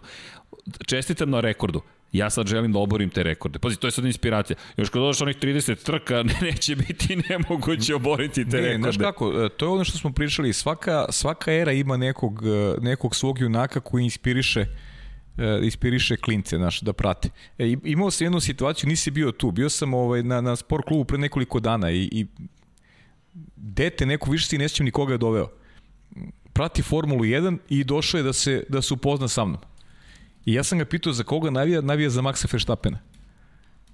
I rekao sam mu super nastavi da navijaš, imaš pravog idola. Mislim, znaš, klinci sada identifikuju sa Maxom Verstappenom. Kao što je generacija, ne znam, Vanjina sa, ne, sa, sa Mihalom Schumacherom, kao što je, ne znam, moja sa Seninom, kao što je tvoja, ne znam, sa Uh, znaš, karikiram sada, pa, nije, nije ni važno. Nije bitno za koga, ne, ali, svako ima svoj Svako nekog. ima svoju nakon. E sad, uh, mi ne pričamo nekad neke stvari da bi, da bi njih e, negde unizili, pocenili. Ko su mi da ih pocenjujemo? Samo ne, ne, ne, imamo poštovanje je maksimalno. Maksimalno poštovanje, ali samo neke stvari pričamo na osnovu nekih argumenta, ono što su obeležili njihovu karijeru, jer nisu svi bili cvećka, pa ni taj Sena nije bio cvećka, ja sam ga obožavao, e, ne da, da nije bio cvećka. To, smo, to sam ja pogrešio prošli put, 1989. u Japanu sam rekao se da incident. Ne, 1990. godine incident u Japanu. 89. je nešto drugo bilo. 90. se Sena zaleteo direktno u Ferrari, ali na prosto. Direktno jest, se jest. zaleteo, uopšte nije bilo diskusije i rekao ne, prvu krivinu nećemo završiti, ni ti ni ja.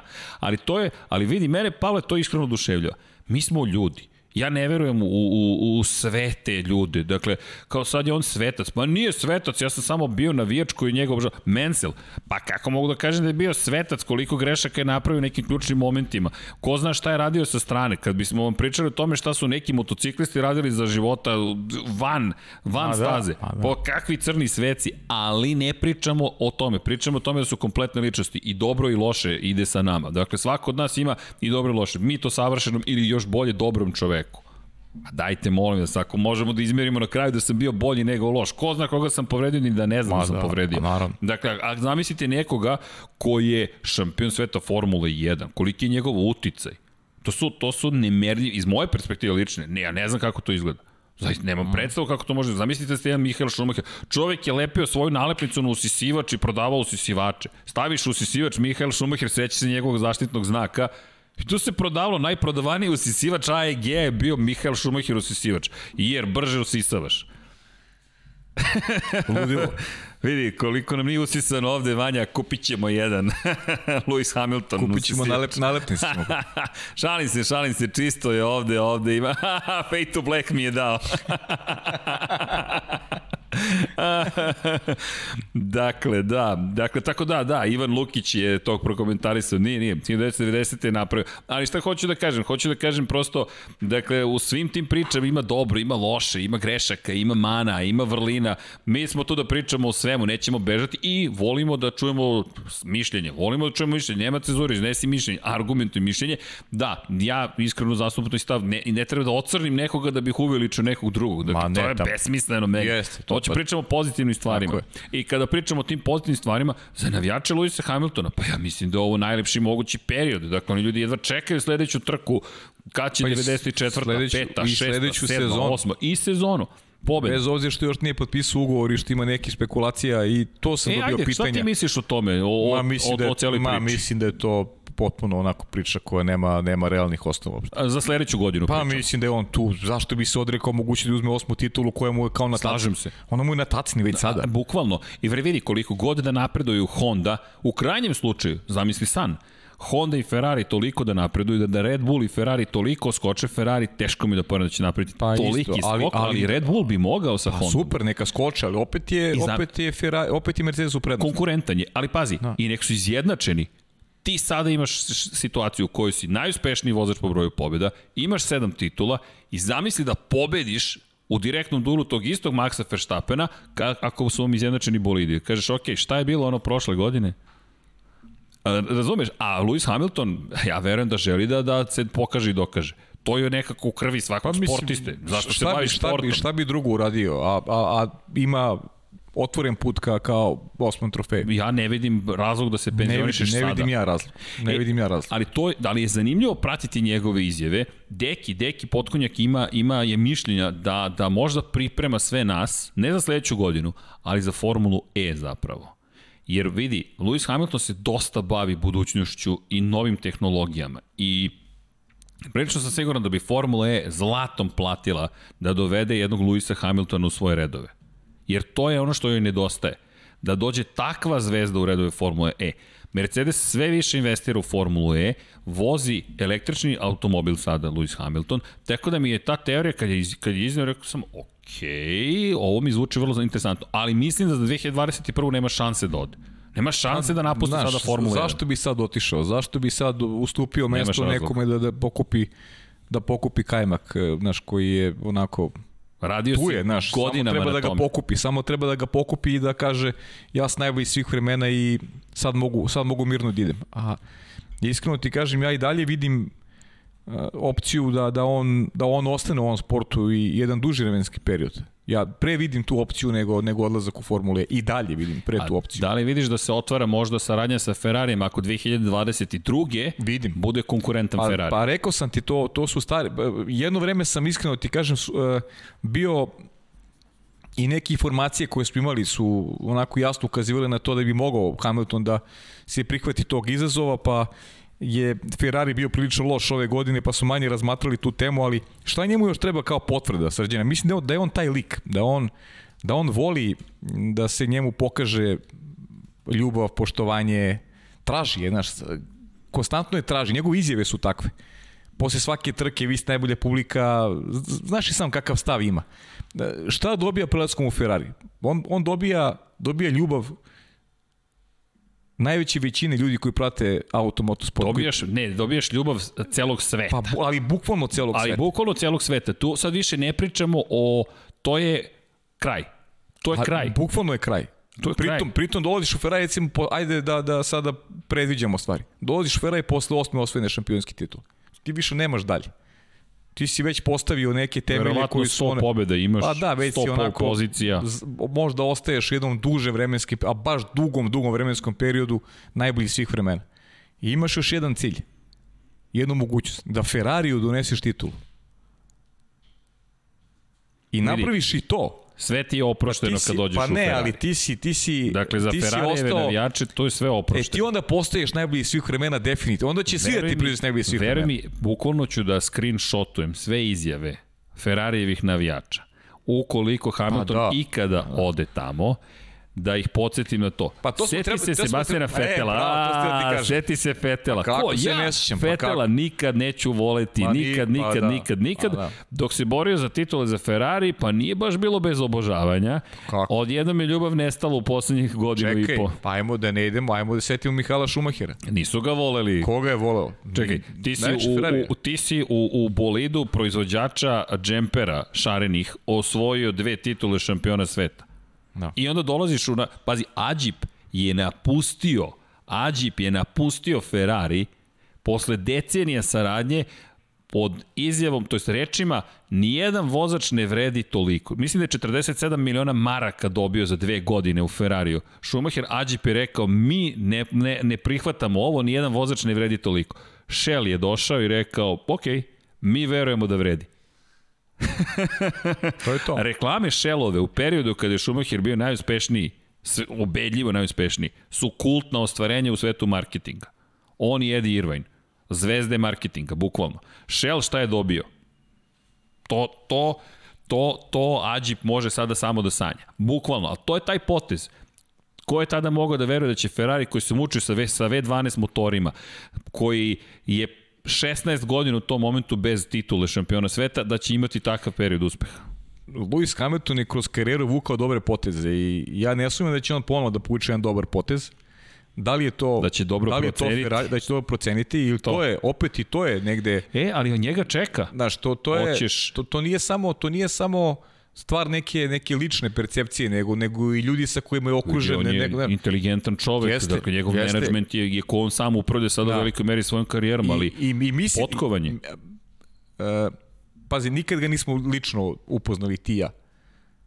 nismo. ali nekako na osnovu onoga što, što, što gledamo, što njegove izjave, njegovo, ne znam, ponašanje, meni je ta opcija sa Ferrari, meni deluje nekako prihvatljivo i realno mi deluje, znaš. Ja mislim da će ja, ja, ja, sesti- ga tu, ja ga tu vidim. Znaš gde, gde, ja čekam? 2022. Mislim da će produžiti ugovor s Mercedesom na još dve godine. Logika se naslanja na tvoj rezon. Sledeće godine imamo bolid koji vrlo dobro poznajemo. Da unapređujemo. Pazi, Mercedes je već počeo pre tri nedelje, četiri da radi samo na bolidu za 2021. Već sada. Dakle, već sada su oni u tom procesu. 2022. dolaze potpuno nova pravila. Ti imaš ekipu na okupu koja odlično funkcioniše, koja ima jedan novi izazov, koja želi taj izazov i potpišeš ugovor, uđeš u novu sezonu i vidiš gde si. Ukoliko se ispostavi da je izjednačenost onako kako mi sanjamo, da su svi izjednačeni, zašto ne pošalješ signal Ferrariju, hej, ajmo da, da sarađujemo. Jer zamisli Ferrari, to je kao Giacomo Agostini sa Yamahom. Sve titule osim jedne, od svojih 15 titula sve je osvojio sa MV Agustom. Dakle, MV Agusta je jednako Giacomo Agostini. Osim što je poslednju svoju sa Yamahom i sada ga gledamo u Yamahinoj garaži kao predstavnika Yamahe, MV Agusta je među vremenu nestala kao fabrika, pa se sada oživela, ali on čovjek nosi Yamahine jakne. Giacomo Agostini je najuspešniji motociklista svih vremena, 15 titula, 122 pobede. Zamisli, ša, zamisli Schumachera, htio da kažem. Hamiltona, eto gde je već, tu je ta, to je ta rečenica, Hamilton kaže, ok, idem u Ferrari. I zamisli osvoji devetu titulu sa Ferrari. Kraj. Kažem ti, Kraj. varira mi malo to, to, naš, Ili, izvini, taj izvini. stav vezan za, za, za, za, za Luisa Hamiltona. Jedno, sećaš se kad smo pričali da sam negde baš otvoreno bio pobornik te teorije, Da. da je to moguće, pa onda malo je to splaslo. Ali se sad oživljava. Opet, oživljava se, da, oživljava se I pa jo, Jer, opet kažem ti, sudimo negde na osnovu onog što je neka njegova ličnost, koliko smo mi imali priliku da, da, je, da je, kažemo, poznamo zahvaljujući trkama, ne, njegovim izjavama, znaš, ponašanju Luisa Hamiltona. Mislim da mu nedostaje ta vrsta ljubavi, znaš, ta, ta vrsta emocije koju bi e, delio sa, sa, ajde ne kažem celim svetom, ali sa većinom koji prati automobil. Ipak je, postaješ najpopularniji. postaješ najpopularniji. Postaješ da. najpopularniji, može mi da se lažemo, to su i dalje javne ličnosti. Redko koja je introvertna. Dakle, Casey Stoner je, na primjer, tu izuzetak. Dakle, čovek koji nije želeo tu vrstu pažnje javnosti, ali i on je tražio potvrdu svojih kvaliteta. Ne toliko javnosti, koliko samih fabrika za koje je vozio. On je tehnički gledano hteo, hteo potvrdu, da, da ga se sluša. Da kada kaže ovaj Ducati ne funkcioniše, ova Honda ne funkcioniše, da se uradi tako kako je rekao. I kada god to nije dobijao, odlazio je. Dakle, njegova introvertnost je dovela do toga da ga ne interesuje nužno publika, toliko ljubav publike, ali da ga interesuje ljubav, vraćamo se na emocije, ljudi sa kojima sarađuje. Poštovanje pre svega. Jimmy Johnson. Jimmy Johnson. Eto, to ti je bukvalno Jimmy Johnson. Jimmy Johnson. I sad da se vratimo na Hamiltona, ako ne izabereš Ferrari, jer nije tako kako si možda gledao, ti kažeš, ok, odoh u Mercedes EQ u električnu formulu, da tamo postanem šampion sveta u nečem potpuno novom, što mnogi smatraju da je budućnost. Pazi, to je isto kocka na neki način. Mi ne znamo je- šta to je donosi baš budućnost. kocka. Ali zamisli koliko bi Mercedes bio srećan, koliko bi promoteri Formule E bili srećni i celog pokreta električnih, moto, električnih automobila. Ne stajem ni inače u stranu, samo prosto posmatramo situaciju. Možda gledam drugačije situaciju jer ja, znaš da nisam pobornik. Da, da, i to mi je super, formule, bukvalno. Da, to je to deli mišljenje Super mi je sa, to sa što našim imamo dragom- različita mišljenja. Sa našim dragom Igorom Markovićem to takmičenje trolebusa Da, da, znam da je tvoj stav neću, neću, potpuno pra, drugačiji. neću pratiti pa da voze svi ovi iz Formule 1 sada da su Formule E, ne, ne bi me zanimalo uopšte. Iskreno. Uh, moramo te konvertujemo. Smišljajte tetovaže. Šalim Ba- se, naravno. baš- baš nemam, Paju, ali, baš nemam to je okej. Okay. Svako ima pravo na svoje Da, pa mišljenje. to ti kažem, to je I to je ono što je meni lepota. Da. Dakle, lepota života. Zašto moramo se slažemo u svemu? Ne moram. Ali u svakom slučaju, Hamiltona čeka potvrda titule, to jeste velika stvar. Toliko smo se već navikli na njegove titule i toliko već od prve trke znamo da će osvojiti titulu, da je nekako, to se sećam isto te 2011. Sećam se velike nagrade Japana. Vettel prolazi kroz cilj, mi ne pridajemo tome, pridajemo značaj, ali nema emotivnog značaja. Nekako toliko si unapred znao da će Sebastian Vettel biti šampion. Podrazumevalo se, da. Da, bukvalno se, da, da nema ekstaze, sad nema, jao, Sebastian Vettel, čak ni da odglumiš nekako ti deluje nepravedno, a zapravo on čovjek zaslužuje u tom momentu, to je tek druga titula šampiona sveta Sebastiana Vettela od četiri koliko imao na kraju, ali delovalo kao, ok, 2012. Na, na, na, u šta, poslednjoj na trci šta zaboravljamo? drugačije. Recimo, šta zaboravljamo? Mi zaboravljamo da je on u Toro Rosso došao do prve pobjede. To je kao, Jest. sad dobije Pierre Gasly jednu moćnu mašinu, ali Pierre Gasly je zaslužio da dobije moćnu mašinu. On je uradio, st- stekao je preduslov da on bude taj koji Ali će dobiti, dobiti ponudu, još. a neće dobiti još.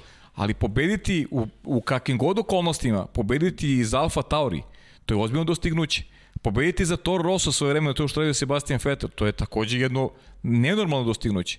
Pritom on je član akademije Red Bulla. Jeste. I, i očekujem da dobio priliku. Pritom, ne zaboravimo prvu titulu. On ima manje boda u odnosu na Marka Webera. Sjeti se te, to je bila fantastična trka. Da. Ima manje bodova od Marka Webera. Mark Weber se bo... on je treći u plasmanu pred Jeste. posljednju trku. Weber i Alonso Weber ti je koji se bore za titulu. sveta. Alonso bio drugi. Drugi, tako je. Zašto je Ferrari pratio Alonsa i cela priča, pa to je, je to je ljudi, Webera? to je vaš, Ferrari pratio a, Webera. pratio Webera. To je vaš izbor. Sebastian Vettel osvoja titulu tada kao treći ulogu. plasirani, odigrao svoju ulogu. Došao do pobede. I kasnije sve istorija. Ne može, Jeste da mu se, ne može da mu se oduzme ništa, ne može da se nađe E, ali- neki zarez. Ali pogledaj te titule. Vettel je osvojio jednu tit, prvu titulu, pričamo o dominaciji Sebastijana Vettela tih godina. Prvu titulu je osvojio u poslednjoj trci sezone. Treću titulu je osvojio u poslednjoj trci sezone. Da. To ne treba zaboraviti. Velika nagrada Brazila 2012. Ludnica. Bruno Sena koji Potpuna uleće u njega. u Vettela, da. Lomi levu stranu bolida Red Bull. Oni bolid nekako to preživljava. Nastavlja se trka po kiši pri čemu, onda ona kontroverza, da li je pod žutim zastavama preticao, da li nije. Alonso koji pokušao po kiši slu- nešto da učini. Pa da, Alonso koji je te godine u, u Belgiji izbačen u prvoj krivini. Jeste, pa u krajnjem slučaju. Alonso da je pobedio u toj trci osvojio bi titul. Osvojio bi titul, Ali tako je. tu je bio Jenson Button Jeste. koji je odvezao Poslednja pobeda McLarena. Pa da. Za sada. Ali Ali eto te dve sezone, kakve su te dve sezone dve bile? sezone? A Tako, mi tako, pričamo tako. o tome kako je Red Bull bio toliko dominantan. Ultra pa ljudi dominantan. nije bio ultra dominantan. Nije, bio je dominantan 2011. i 2013. Tako je. 2012. i 10. nije bio dominantan. Tako je. 9. nije ni osvojio titulu. Tako je. Otud ta priča, opet vraćamo se Mercedes koji je Pa ne mogu kažem dosadio, prosto to bi bilo nepoštovanje tih ljudi, ali toliko postao izvestan, toliko postao sigurno, to postalo sigurno da će osvojiti titulu da, Ne, da ne, ovo je- se ovo traži neko Ovo je novi. definitivno najveća dominacija. Da, da, I da. ono što je nedostajalo timu, što je nedostajalo nama. I skidamo sa kapu. strane, da, to, nama sa strane je egal vozači unutar ekipe koji bi se borili za titulu. E, to nam je nedostajalo. A, I ne bi nam smetala onda ta dominacija Mercedesa da, da je Hamilton u stvari imao pravog rivala na stazi. To pričamo, malo svi ponavljamo, ali meni ali, je to suština. Ali, do, ali do ove, za, zaključno s ovom trkom, moramo da se ponavljamo. Prosto to nam je posao. Dakle, ta, takva je situacija. Ali, kad dođe Bahrein, pa Šakir, pa dođe Abu Dhabi, pričat ćemo i o samoj stazi. Međutim, ima tu još, još milion nekih stvari. Kada pričamo o toj dominaciji, ona je ostvarena u velikoj meri kroz tehničke napretke koje je ostvario Mercedes. Dakle, Mercedes koji je konstantno radio na unapređenjima, unapređenjima, unapređenjima. Što me dovodi? Do čega? Do meseca Molembra. Molembar. Dakle, Molembar.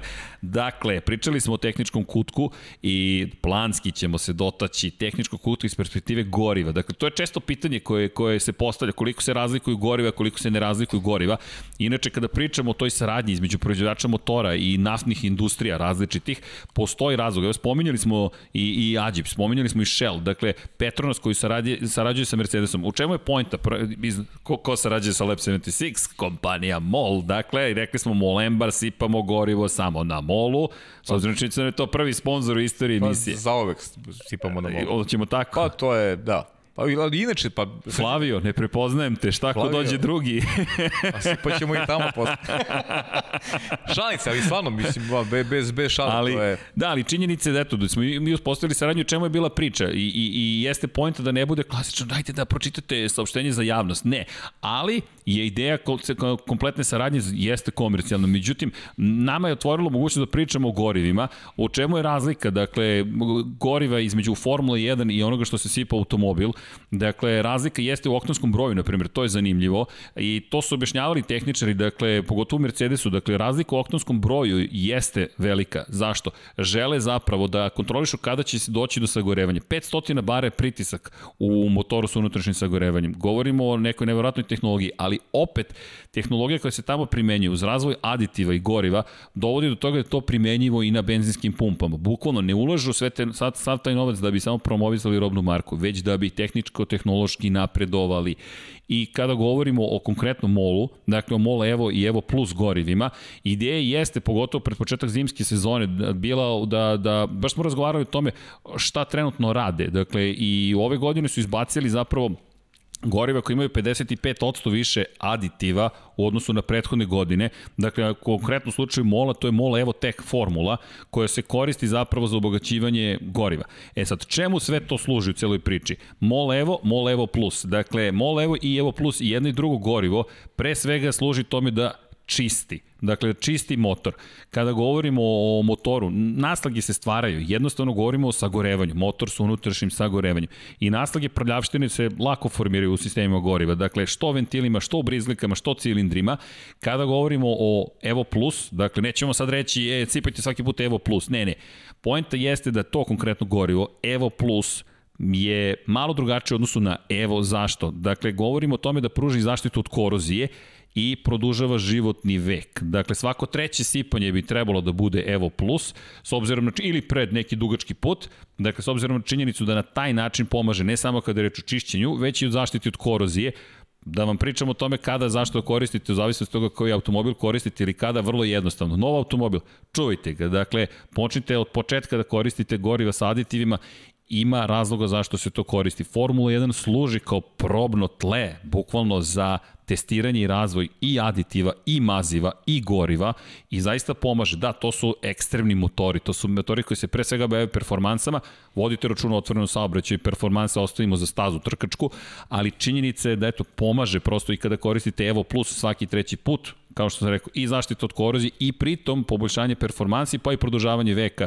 životnog veka trajanja automobila. Kod starih automobila takođe, čišćenje je veoma važno ko zna koliko naslaga se tu skupilo i tu ne pomaže jedno sipanje. Dakle, i ovo nije pitanje sponzora, je pitanje prosto fizike i hemije. Jednostavno morate malo duže da sipate, ali kao što sam rekao, ne svaki put Evo Plus. Evo Plus svaki treći put. Dakle, to jeste pojenta cele priče. Kada govorimo inače o, o gorivima u Formuli 1, ući ćemo još neke detaljnije analize zapravo kako se razlikuje. Ovo nam je lepa prilika da počnemo sa tom jednom pričom. Inače, Johnny je rekao da poboljšati performanse motora sa unutrašnjim. Vaše kaže, evo, pokazuje prstom espresso na mol pumpama po njegovom mišljenju najbolji. Pazi, ovo čak i nije plaćena promocija za, za espresso. Ali evo, smeje se, kaže da je odličan. E, to ne znam, zato ne pijem kafu. Ti ne piješ kafu, ne da, pijem ti kafu, ćeš da. čaj. Ali ja sam tu zadužen za, za espresso. Da. To će biti moj deo priče. Ostaje da verujemo Johnny-u da je, da je zaista najbolja kafa. Na Pa pazi, morat ćemo da proverimo. Ti. ja, ja, ja, da, izvinjavam se. da, dakle, ok, ja ću da proverim, dakle, nema ništa da brineš. Ali, da, eto, činjenica je i za nas neki noviteti, Dakle, lepo je, lepo je kada neko prepozna radi, kaže, "E, ljudi, hoćemo da sarađujemo s vama. Super, da. Eto, i Pa Deki to je, izmislio... to je ono što smo pričali. Tako je. Ono što smo pričali. I pazi, Deki koji izmislio hashtag te, znaš. Molembar. Mo- Da, Molembar. I naravno, pustite brkove, ako ste muško. Ko može? Naravno, mada ako da, da se ne meša, svako nek radi kako želi, ko može naravno, u svakom slučaju činjenica je da vodite računa o svom zdravlju, devojke, momci, ovoga puta se bavimo više momcima. Biće više brka sledeće nedelje. Bićeš više vrka sledeće, ja bojim se da neću. Sporije raste. Vidi, ja sam To je ti, super, znaš. ja sam ti kao da ne eliminujem neki neke timove Formule 1, to je to. to je, da. to je na razvoj. Znaš, da, možemo pričamo o aerodinamici, ali bojim se da je to to. Maksimalne performanse su brzo dosegnute. da, da, taj tehnički kutak nama zaista bitan, zato što jeste priča o tehničkom sportu, tu isto imamo neke pregovore sa, nadamo se, partnerima koji će nam još više pomoći da vam prikažemo kako izgleda motor sa unutrašnjim da. sagorevanjem, dobro, to je- kako sistemi funkcionišu, ne trčim pred rudu, ali To je taman za, za, za među sezonu za, idealno. za zimu Idealno, trljamo da. ruke, da, da, Da. bukvalno za zimu trljamo Radimo ruke. na tome, bit će sve kako A treba. da, i ovo što smo spominjali, Red Bull i Ferrari pripremaju nove motore. Honda se sprema vrlo ozbiljno za tu oproštajnu sezonu. Dakle, Labudova pesma, stari Grci su verovali, Labud peva kada umire, ne umire Honda, naravno, ali iz naše perspektive završava se jedna važna saradnja, tako da nećemo imati Honda 2021. makar ne pod tim imenom, vidjet ćemo da će Red Bull otkupiti intelektualnu svojinu, ali činjenica je to pozitivno, dakle i Honda i Ferrari da spremaju nove motore. To je nešto što nam je veoma važno. Jeste, pričali smo o tome i pre emisije da, da je zaista sjajno i ono što ponavljamo se opet, e, u Ferrariju su ubeđeni da, da prave dobar posao za 2021. godinu, veruju u to i italijanski mediji, ali pitanje je samo da li je ova, ova grupa ljudi spremna da, da povede ekipu tamo gde žele.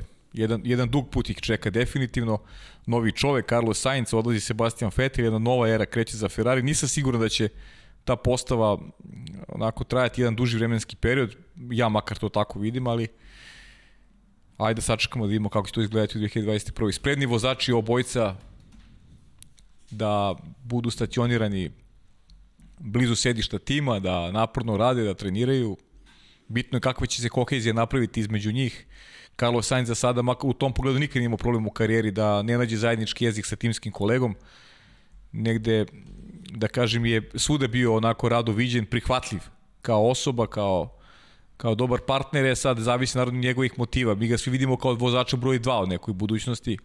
Ja se izvinjam, da li će ne, ne vidimo otpor? ga svi. Ja ga vidim, da. Kao vozač Vidimo ga dva. svi. Ima S ovde... obzirom da dolazi u Leclerovo okruženje, dolazi u njegovu ekipu manje više, pa Biće mu, biće mu teško, to je činjenica. biće mu teško sigurno. To je činjenica. Međutim, Mnogo teže nego što je Lecleru bilo kada je dolazio u ekipu za koju su mnogi mislili Pa- da je Fetelova, a u suštini nije bila Fetelova. Da, ali, ali činjenica je da ga zaista čeka, čeka ga ozbiljan, pa možda neću reći problem, ali ga čeka ozbiljan rad. Dakle, i, i politički i vozački. da bi uspeo u svojim mnogo namerama. rad. Mnogo, nije baš moment idealan za njega, s obzirom u kome je stanju Ferrari, ali sad treba pokaže karakter. Da, bilo je inače pitanje u prethodnim emisijama šta mislimo o Porscheu kako bi se vratio. Drive Tribe, inače ispratite i njihov kanal, Drive Tribe je obavio sjajnu, sjajni pogled na, na, na, na razvoj Porschea, Porscheovog motora potencijalnog za Formulu 1, tog hibridnog, dakle, na sve oni koji možda nisu pratili šampionat izdržljivosti, 919 hibrid Evo, Porsche, taj možemo sad reći kultni automobil je, inače V4 je motor bio u pitanju, dakle četvorocilidračni V6 imate u Formuli 1 šestocilidraš, napravili su specijalnu verziju motora kako bi zapravo ušli u studiju izvodljivosti da li mogu da uđu u Formulu 1. Problem se svodi opet, nažalost, na pare. Dakle, ne na tehnologiju. Porsche ima tehnologiju koja bi mogla relativno lako da ga uvede u Formulu 1 i to u hibridnu eru. Problem je međutim skandal sa dizel motorima kompanije Volkswagen, kompletnog konglomerata koji je katastrofalno prošao pre nekoliko godina. Nažalost, varali su na tim testovima emisije štetnih gasova, pogotovo u Sjednjim američkim državama kada su i uhvaćeni, pa posle u Nemačkoj kazne, reputacioni problemi su doveli do toga da se zapravo Volkswagen povuče iz tele te priče i kaže Porscheu ne, ne idemo tamo. Tehnologija postoji, zato nismo se toliko bavili. Porsche, negde smo sanjarili, Lamborghini vidjet ćemo, ali činjenice da Porsche ima tehnologiju koja je neophodna. Za one koji ne znaju, taj 919 fenomenalni automobil je zaista u jednom momentu bio brži od Formula 1. Inače, radi se o sličnom sistemu, dakle, motor sa unutrašnjim sagorevanjem. Međutim, kada govorimo o Kersu i Ersu čuvenom, dakle, Imali ste na, na prednjoj osovini takođe elektromotor generator, isto važi pozadi kada je reč o, o ERS sistemu, dakle gde koji je pokretan zapravo kočnice, prilikom kočenja se generiše električna energija kod hibrida 919.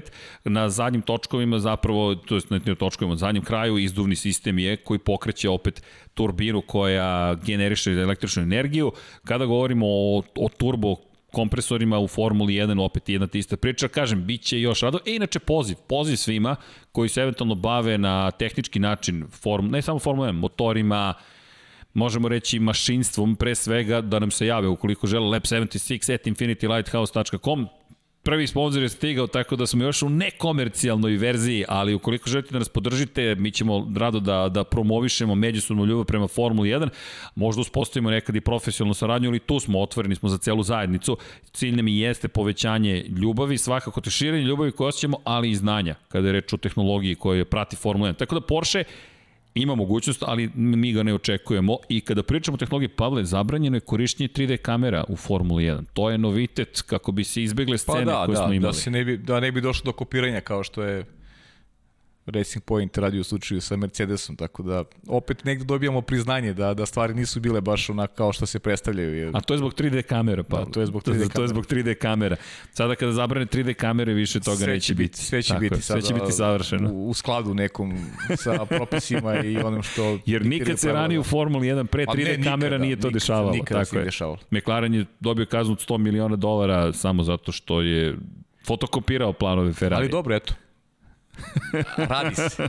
Radi se. Radi se, radi se. U svakom slučaju da, biće zabranjeno korišćenje 3D kamera kako bi se sprečilo incident iz ove godine kada je Racing Point praktično prekopirao kompletan zadnji kočeni sistem i do, velik, veći deo praktično bolida Mercedes iz 2019. godine već planira Racing Point, budući Aston Martin kome se pridružuje Sebastian Vettel da koristi delove iz ovogodišnjeg bolida Mercedesa, tako da možda će postati prosto pobednički tim sa Sebastianom Vettelom, to nije nemoguće i dalje duboko verujem da će to biti moguće sa njime. Ono što je važno da pomenuti, Mercedes jeste kupio četvrtinu kompanije Aston Martin, ali su rekli da se svakako to neće odraziti na dešavanje u Formuli 1. Dakle, to je izjava, to je izjava i da to nikakve veze jedno s drugim da. nema. Na svakom slučaju, inače Toto Wolff je jedan od suvlasnika ekipe Aston Martina u Formuli čuda. 1. Da.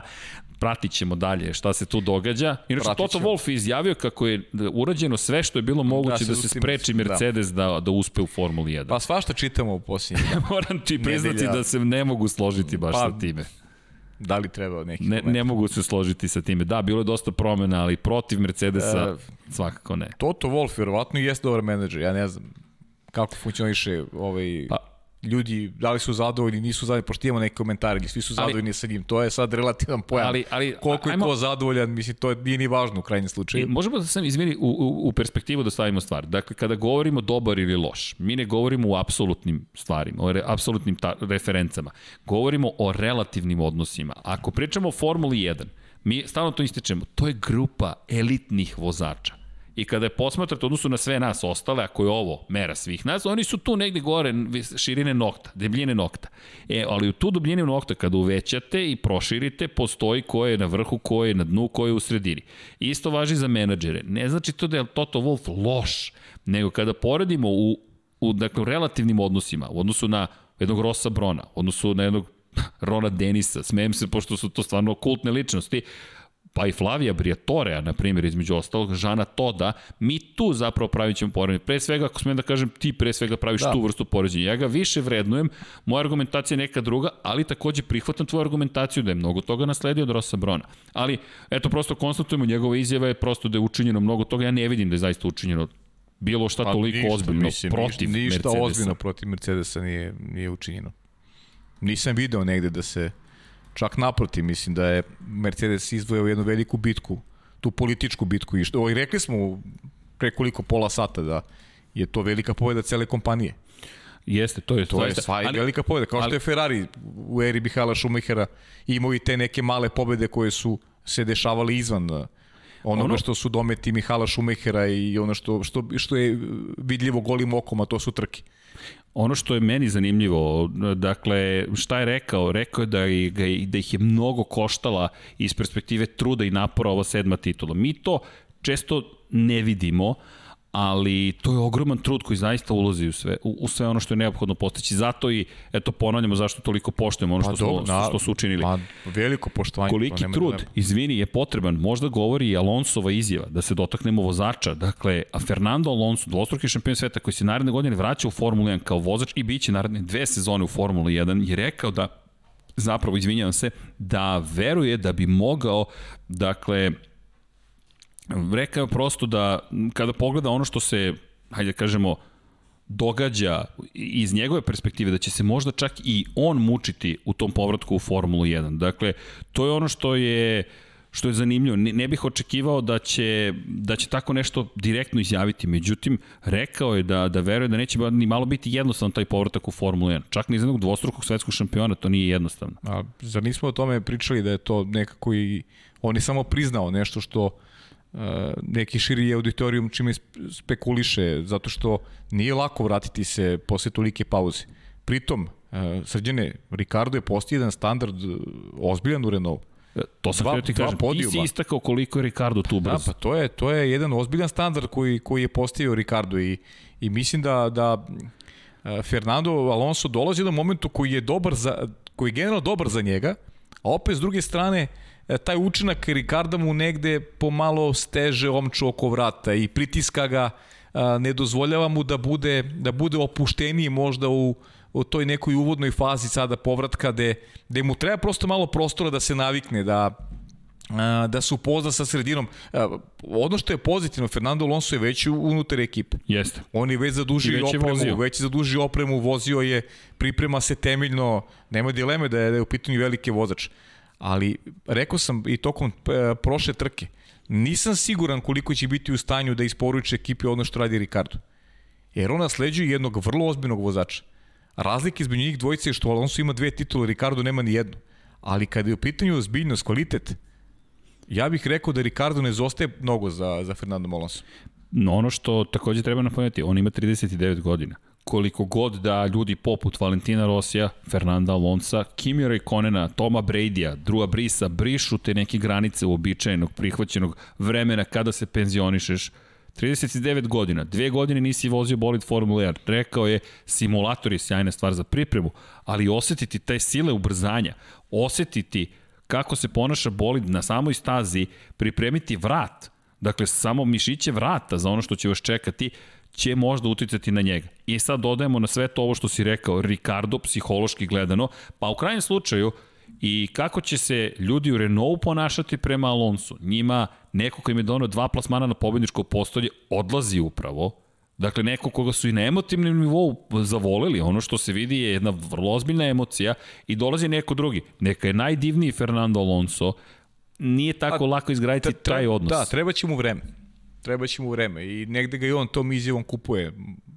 Imam Rekao bih da nas da... priprema očekivanja pa, naše da, da, da, naravno, da, da, da, ne budu, ne budu najveće očekivanja i svestan je on da ulazi jedan projekat koji je ozbiljan i naravno da kao jedan iskusan čovek sada već pokušava da taj tere sa svojih leđa skine onako javno i da kaže da stvari nisu tako baš fantastične, bombastične kao što ih mediji predstavljaju. I mislim da je dobar pristup generalno Fernando Alonso za, za vrlo, sebe vrlo uradio. Zreo. Da, zreo. Za sebe uradio jednu stvar koja je, koja je neophodna, rekao bih, eh, pred, pred početak nove sezone. Pogotovo da. što je vrlo svestan, svestan koliko je, koliko je kvalitetan Daniel Ricardo novi volan, treba svašta naučiti, baš ima ozbilj i super je odradio posao. Jeste, da, da, I, pa, i lepo mislim... se pripremio. Pa i Renault deluje mnogo ozbiljnije, ali ajmo, ajmo, ajmo da, se, da spojimo priču sa, sa Red Bullom. Red Bull meni ne deluje toliko ozbiljno u svojim pripremama za narednu godinu. Sada već ulazimo u period kada mislim da ekipa ne radi u svojim pa ne, interesima. Ali, ali šta je poenta kod Red Bulla? Poenta je što menadžment se bavi nekim stvarima koje nisu vezane za narednu sezonu. I prosto su primorani. Ok, veruješ da odlazi to što odlazi Honda, Honda, i zapravo utice. košta toga da se košta pripreme vozački. Pa naravno i košta. Ima smisla. Jer nemaju mir. Ima smisla. Pa nemaju mir, oni, oni sebi treba da obezbede budućnost u Formuli 1, a, a kako da ga obezbede? Pa treba im neki proizvođač koji će im garantovati, garantovati stabilnost u radu. Oni ga nemaju, ovi ga u ovom postojećem, postojećoj situaciji nemaju. Ferrari neće, Mercedes neće, saradnja sa, sa Renaultom, pa možda će se uspostaviti, ali znamo kako se završila, pričali smo o tome Možda će otići iz Formule 1. Možda će otići, to je rekao dr. Helmut Marko i, i sve, to, sve to jedna ozbiljna kočnica. Kočnica je za sve unutar ekipe, pa i za Maksa u krajnjem slučaju, jer i on treba da zna ko će mu biti čeka. klubski kolega i šta ga čeka, početak, koji će motor koristiti. Za početak ko će biti klubski kolega. A to jer, ne znamo. Jer, jer, pazi, Red Bull je ozbiljna kompanija. A, fokusirati se i bazirati celu priču isključivo na 2021. godini. Mislim, to je iz njihove prizme prizme, neozbiljno. Mislim, to oni tako ne rade. Da, ali... Pogotovo što ne čekaju promene za 2022. Pazi. Ralf Schumacher oni, oni ne znaju ništa Šta će biti u 2021? Ralf Schumacher, višestruki pobednik u Formula 1 i brat Mihael Schumacher je rekao da, za njemu, da njemu nije jasno zašto još uvek Alex Albon vozi za Red Bull. Zašto još nisu mu dali otkaz i poslali u Alfa Tauri gde bi verovao da će se bolje snaći. Međutim, tu postoje problemi. Yuki Tsunoda je testirao Alfa Tauri, Rekao je oduševljen i snagom i ponašanjem bolida, Yuki Tsunoda koji je propustio neka takmičanja u nižim rangovima, kako bi dobio tu priliku da testire, koji je već tu. Dakle, ajmo da kažemo da je Yuki Tsunoda gotovo potvrđen. Na Albonu je ogroman pritisak, iako Red Bull kaže mi ćemo učiniti sve da se osjeća dobro. Ja verujem da u velikoj meri tajlandska veza zaista doprinosi tome. Suvlasnici Red Bulla 49% pripada jednom čoveku, 2% drugom čoveku su Tajlanđani, 51% je u rukama tajlandskih pojedinaca. Dakle, ta veza možemo da ignorišemo, ali ali verujem da postoji. Jer ne vidim da bi ikakav problem dr. Helmut Marko imao da otpusti nekoga koje, kao što smo rekli, zaostaje za ceo krug. Dakle, da li bi mu sudbina bila drugačija da je pobedio u Austriji i da je bio treći prošle godine u Brazilu? Gotovo sigurno, ali nije. Makar ne u ovom multiversu u kojem mi živimo, to se nije desilo. Tako da Albon je, ovo je iznenađenje s jedne strane. Ukoliko produže ugovor sa Albonom, to će biti ozbiljno iznenađenje. Dakle, za mene će biti ozbiljno iznenađenje. Ne kažem da je loše ako album to uzvrati dakle, nekim fantastičnim rezultatima, ne vidim da će se to desiti, ali ko zna, možda dečku samo treba više vremena. Kako god Red Bull još uvek ne znamo ko će voditi A, ali za da Red postavimo, da postavimo i drugačije stvari. E, da li je, koliki je motiv recimo Serhiju Perezu ili Niku Hulkenbergu da dođe u taj isti Red Bull ukoliko se ne zna ništa sa projektom za 2023. godinu? Pa, kako se postaviti, kako, ta, vidi, kako se postaviti... Vidi, karijeru. Pa da, ali kako se postaviti u toj situaciji?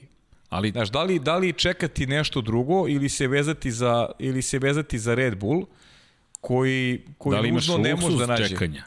Pa znaš, ne znam, znaš, a, a pritom opet, s druge strane, postavka Red Bulla, platiti neko ko je novi, realno, i Sergio Perez i Niko Kulkebre će koštati više od, od Alex Albona. Sigurno. A ti nemaš jasnu budućnost u tome šta će se dešavati u 2023. godini. A dolazimo i do tog momenta finansijskog. Dolazimo, dolazimo. Treba, ali, treba platiti vozače, a, Ali- a, a budućnost je popuno neizvesna. ali znaš kako, Šta plaćaš? Znaš kako ja razmišljam? Hulkenberg je izašao iz Formule 1. Dobio je dve prilike ove godine. Ovo je šansa da voziš za jedan Red Bull. Za jedan Red Bull neki je i jedna Ne, godina. ne, ne priča, da, okej, okej, dobro, ima i Znaš. to. Ali, ali, ali ajde da se, da se fokusiramo na, da se fokusiramo na Red Bull. Alex Red Bull. Albon, Alex Albon koji manje košta, projekat njihove akademije, ne znaju šta će biti u 2022. godini, ili Sergio Perez i Niko Hulkenberg, Šta želiš u 2021. To je moje pitanje. e pa to je da, šta To je- želiš u 2021. i to je tačno. To, to je, to je, to je, to Kakav, je si, pitanje. kakav je motor zaista pripremila Honda, kakve su pripreme za 2021. Mnogo pitanja ima oko Red Bull je u stvari u, u najgore mogućem položaju. Odlazak Honda je zaista poremetio neki neki momentum koji su imali i ja verujem u tu procenu da je da je Honda se povukla iz finansijskih razloga, a da nije to ona kultura a, poslovanja i ne znam gubi od Mercedesa pa im to ne onako ne odgovara iz perspektive prodaje svojih vozila i tako dalje i tako dalje. Ja verujem da su finansije u pitanju, da je COVID-19. Zamisli da gurneš sve, sve. Pri čemu mi imamo sledeće godine, imamo drugačiju vrstu izazova. Mi imamo izazove u kontekstu toga da će biti ograničeni budžeti. Dakle, imamo prvi put kapiranje budžeta. Budget cap se uvodi u Formula 1, ne za vozače, mada je u tome bilo priče da su neki vozači tražili ograničenje i za plate. Lewis Hamilton se s time nije složio, dosta logično, s obzirom na činjenicu da će je najplaćeniji ubedljivo, ali ukoliko to pogledamo, Red Bull bi tu mogao da uštedi. Dakle, ono što, što gde više nema uštede jeste sada reputacija. Jer ako odlaziš iz Formula 1, da sam, ako možemo da tumačimo na, na osnovu što je Red Bull do sada radio, ideš on, uz eksploziv, with a bang. Ideš na sve ili ništa. Što ko zna šta dokle nas dovodi. Samo razmišljam, dakle, ja bih išao na to maksimum, maksimalni na, na napor, što kaže Deadpool, maximum effort. Dakle, ideš na to da Honda da sve od sebe, Red Bull da od sve od sebe, pa da vidimo da li možemo da, da jer zamisli Red Bull, ako ne može da nastavi, a skine s vrha Hamiltona i Mercedes.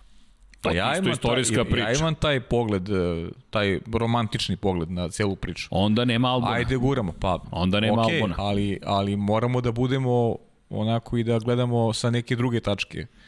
Možda Jer... malo, malo razumnije. Ukoliko Red Bull nema rešenja, ako zna, možda nemaju rešenja, zaista. Možda nemaju. Jer evo, novembar je uveliko. Znaš šta je rekao dr. Helmut Marko, da će se znati jasno priča u novembru mesecu. Još se ne zna. Ne zna se. Nije ni blizu. Još se ne zna. Nije, nije, nije ni blizu. Još se ne zna, a, a, a otvorena je, mnogo otvorena priča i možemo da ima tektonski uticaj Moramo da poremeti ne. celu Formulu 1. Može. Dakle, Cunoda testirao, čekamo rasplet, vidjet ćemo u Turskoj kako će Albon voziti, ta krivina. Broj, nismo ni predstavili Tursku kako treba, toliko dugo i nismo spomenuli, čekaj samo kratko da spomenemo, dakle, kada je reč o Turskoj, ta krivina, evo, ovo je pogled, dobro, Vanja je pripremio, dakle, pogledajte krivinu 8, još uvek se zove krivina broj 8, idete u levo, u levo, u levo, u levo, u levo i izađete punim gasom, izađete na kratak pravac do krivine 90. Inače u Moto Grand Prix krivina 11 je najlepša, ubedljivo krivina. No u svakom slučaju velika nagrada Turske je pred nama posle 9 godina, nemamo predstavu šta će se tamo gađati, ne postoji neka dugačka istorija, 2005. do 2011. se vozilo, inače tamo su Brazilci bili dosta uspešni, da ne kažem konkretno Felipe Massa, inače Kimi Raikkonen je prvi pobedio, eto Kimi je još jednu staza, još jedna staza na kojoj je vozio, ali nije jedini koji je vozio, vozio je i Hamilton, vozio je i Drugačije, Vettel, da, drugačije drugačije je, da, da, nije- tako odnosu nije- na Imolu, da. ali Ferrari tri pobede tada za redom zabeležio, Jenson Button u Bronu zabeleži jedan triumf, Lewis Hamilton u McLaren Mercedesu 2010. i Sebastian Vettel u Red Bull Renault.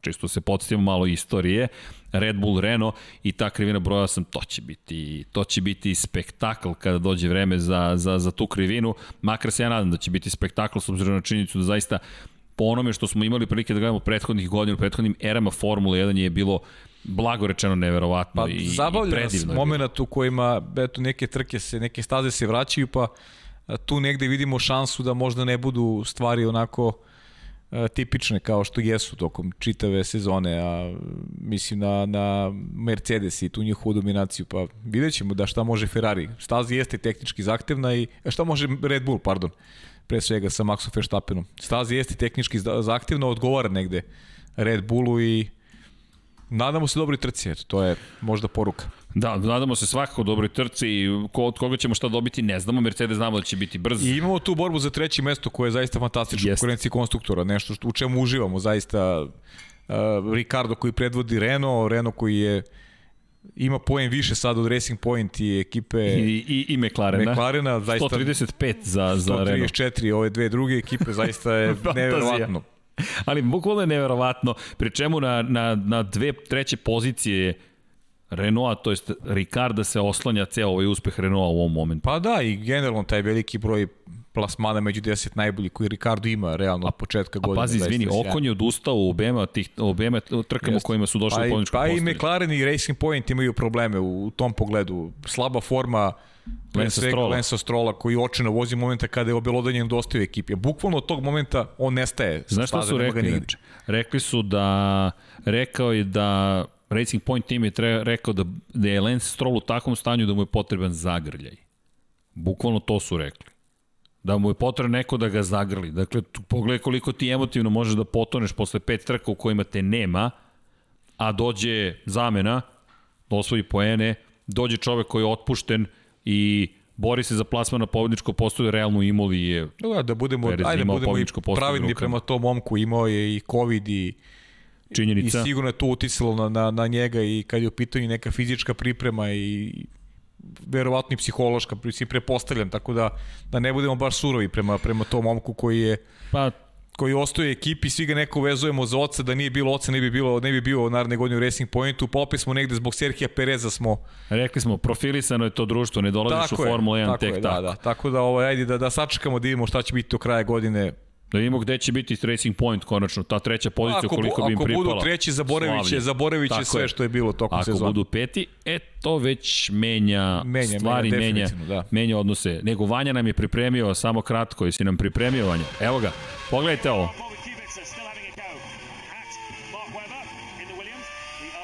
Ovo je inače Ovo je 2011.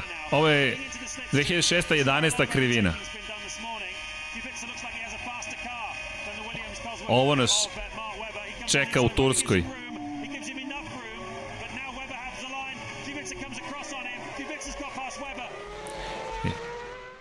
Imam to je pogled na 11. krivinu. Poslaću ti Vanja i krivinu broj 8. Dakle, stiže ti krivina broj 8, ovo sad ne moramo da, da, da ponavljamo. Pa ja, ja ćemo da uglovimo, ali tako je nekad da. zvučala da. Formula 1. Evo stiže ti još jedan Twitter, dakle, sa krivinom broj 8. U svakom slučaju bacimo tu pogled do, do tada. Dakle, samo bih napomenuo još jednu bitnu stvar kada je reč o vozačima. Matija Binotto, šef ekipe Ferrarija, do kraja meseca rekao Da, da, odredit će koji će od vozača iz akademije biti u naredne godinu Formuli 1, negde svi...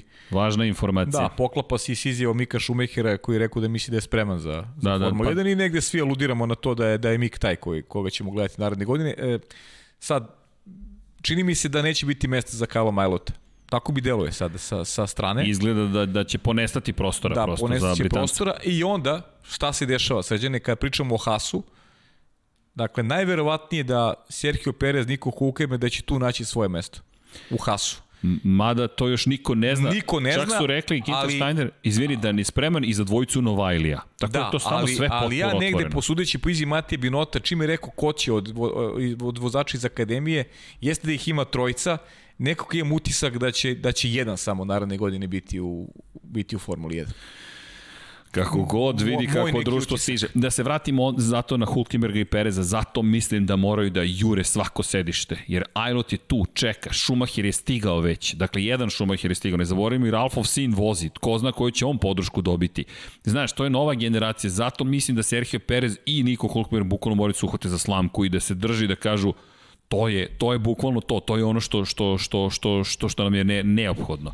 Makar, da kažem, da, da, da, da, da tako vidimo, ali ima još jedna vest iz, iz Formule 1 pre nego što, ba, ne, Ne, ne, ne. Hoćemo da se, da se, hoćeš osmicu. Evo, pokazuju mi. Dakle, zašto nam izlači osmeh na lice? Bacite pogled na ovo.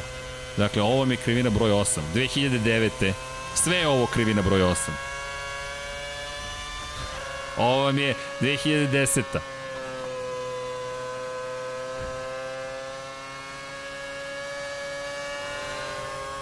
Pa 11.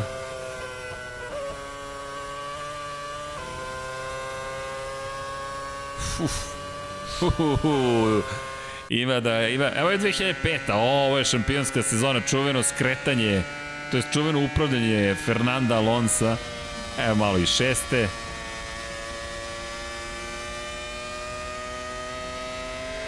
Gori prednji desni pneumatik. Da. Gori. Gori. I pun gas, naravno. Hvala Vanja, ovo je bilo lepo videti, ovo je, ovo je da se naježiš zaista i sad jedva čekam ove zveri od hiljadu konjskih snaga kad krenu da prolaze kroz krivinu broj 8 i nažalost ne znamo da li ćemo imati Istanbul naredne godine u kalendaru. Ali dobro, to je sve deo zabave. Ima još jedna vest, dakle kada govorimo o stazama i kada govorimo o Formuli 1 pre nego što se pozdravimo, uh, Pa tebe danas čeka uzbudiv dan, koliko da. znam. Dakle, čekate Baš. milion nekih stvari i hvala ti za vreme. Znam da, da jednostavno Vanja mi nešto pokazuje. 2, 3, a Formula 2 i 3. Nećeš da. ti paju skoro. Da, izbačen je kalendar, dakle i Formule 2 i Formule 3. Dakle, kada govorimo o Formuli 2 i Formuli 3, evo kako izgleda kalendar za Formulu 2. Krećemo od marta, završamo u decembru, međutim preskačemo neke od trka. Ukupno 8 trkačkih vikenda imamo ove sezone. Velika nagrada Bahrina, Monte Carla, Azerbejdžana, Velike Britanije, Italije, Rusije, Saudijske Arabije i Abu Dabija. Dakle, Jeddah je ubačena u kalendar kao nova staza i kada je reč o Formuli 3, takođe imamo dakle, predlog kalendara, Barcelona, velika nagrada Španije, u maju počinje šampionat, završava se inače u oktobru, Francuska, Paul Ricard, velika nagrada Austrije, to je Spielberg, pan Mađarske, Belgije, Holandije i Sjedinjenih američkih država. U čemu je razlika, kao što ćete videti, dakle, ne posećaju se iste staze u Formuli 2, u Formuli 3, da. to je prva najveća razlika i to moram ti reći da nije loše, biće više fokusa i na jedne i na druge, rekao bih, Jest. na Formulu 1 i prateći šampionat. Pa da, i, i modifikovan je sistem takmičenja, jer imaćemo po tri trke tokom vikenda, Dakle, u suštini Formula 2 će imati 24 trke, dakle 8, 8 vikenda puta 3 trke, to je 24 trke. Dakle, neće se odustati od nekog broja trka od tog uh, sistema, ali ovaj to je sve u cilju smanjenja i troškova. Generalno, da. na tome su radili u kada i to se znalo još negde sredine sezone. Pričali smo, pričali smo pričali si, o tome pričali već. si, pa ti si dosta isticao tu da. promenu koja dolazi, promena, ali evo sada je promena potvrđena. Promena jeste velika, sada je potvrđena i ovaj i ono što je suština, kažem, nije ni loše imati eto i tri trke tokom vikenda i mi ćemo imati priliku da se više fokusiramo od onog što se dešava. Ali pazi, to je sad opet, opet ulazimo u onu priču. Vikendi. Vikendi. Vikendi. Moto Grand Prix, Formula 1, vidjet ćemo ko se gde šta Formula kako 2, popim. Formula 3, kako će biti poklapanja sa Formula 2 i sa Formulom 3. Moto 3, Moto E, Moto Grand Prix, Da ne NASCAR. Ne, a, o, NASCAR. U NASCAR je tek posle priča 36 nedelja. Ali kad spomenuh NASCAR, taman za kraj, dakle, nismo spomenuli Georgea Russella, e to je jedna stvar koju nismo spomenuli, uprkos njegovom izletanju sa staze, svi kažu da smatraju da će ovo biti možda i prelomni trenutak na pozitivan način za da. George pa Russell. Pa Fernando Alonso je rekao, ako bi morao da bira neku iz, iz tih, od tih mlađih vozača, koga bi istakao, on je rekao George Russella ima.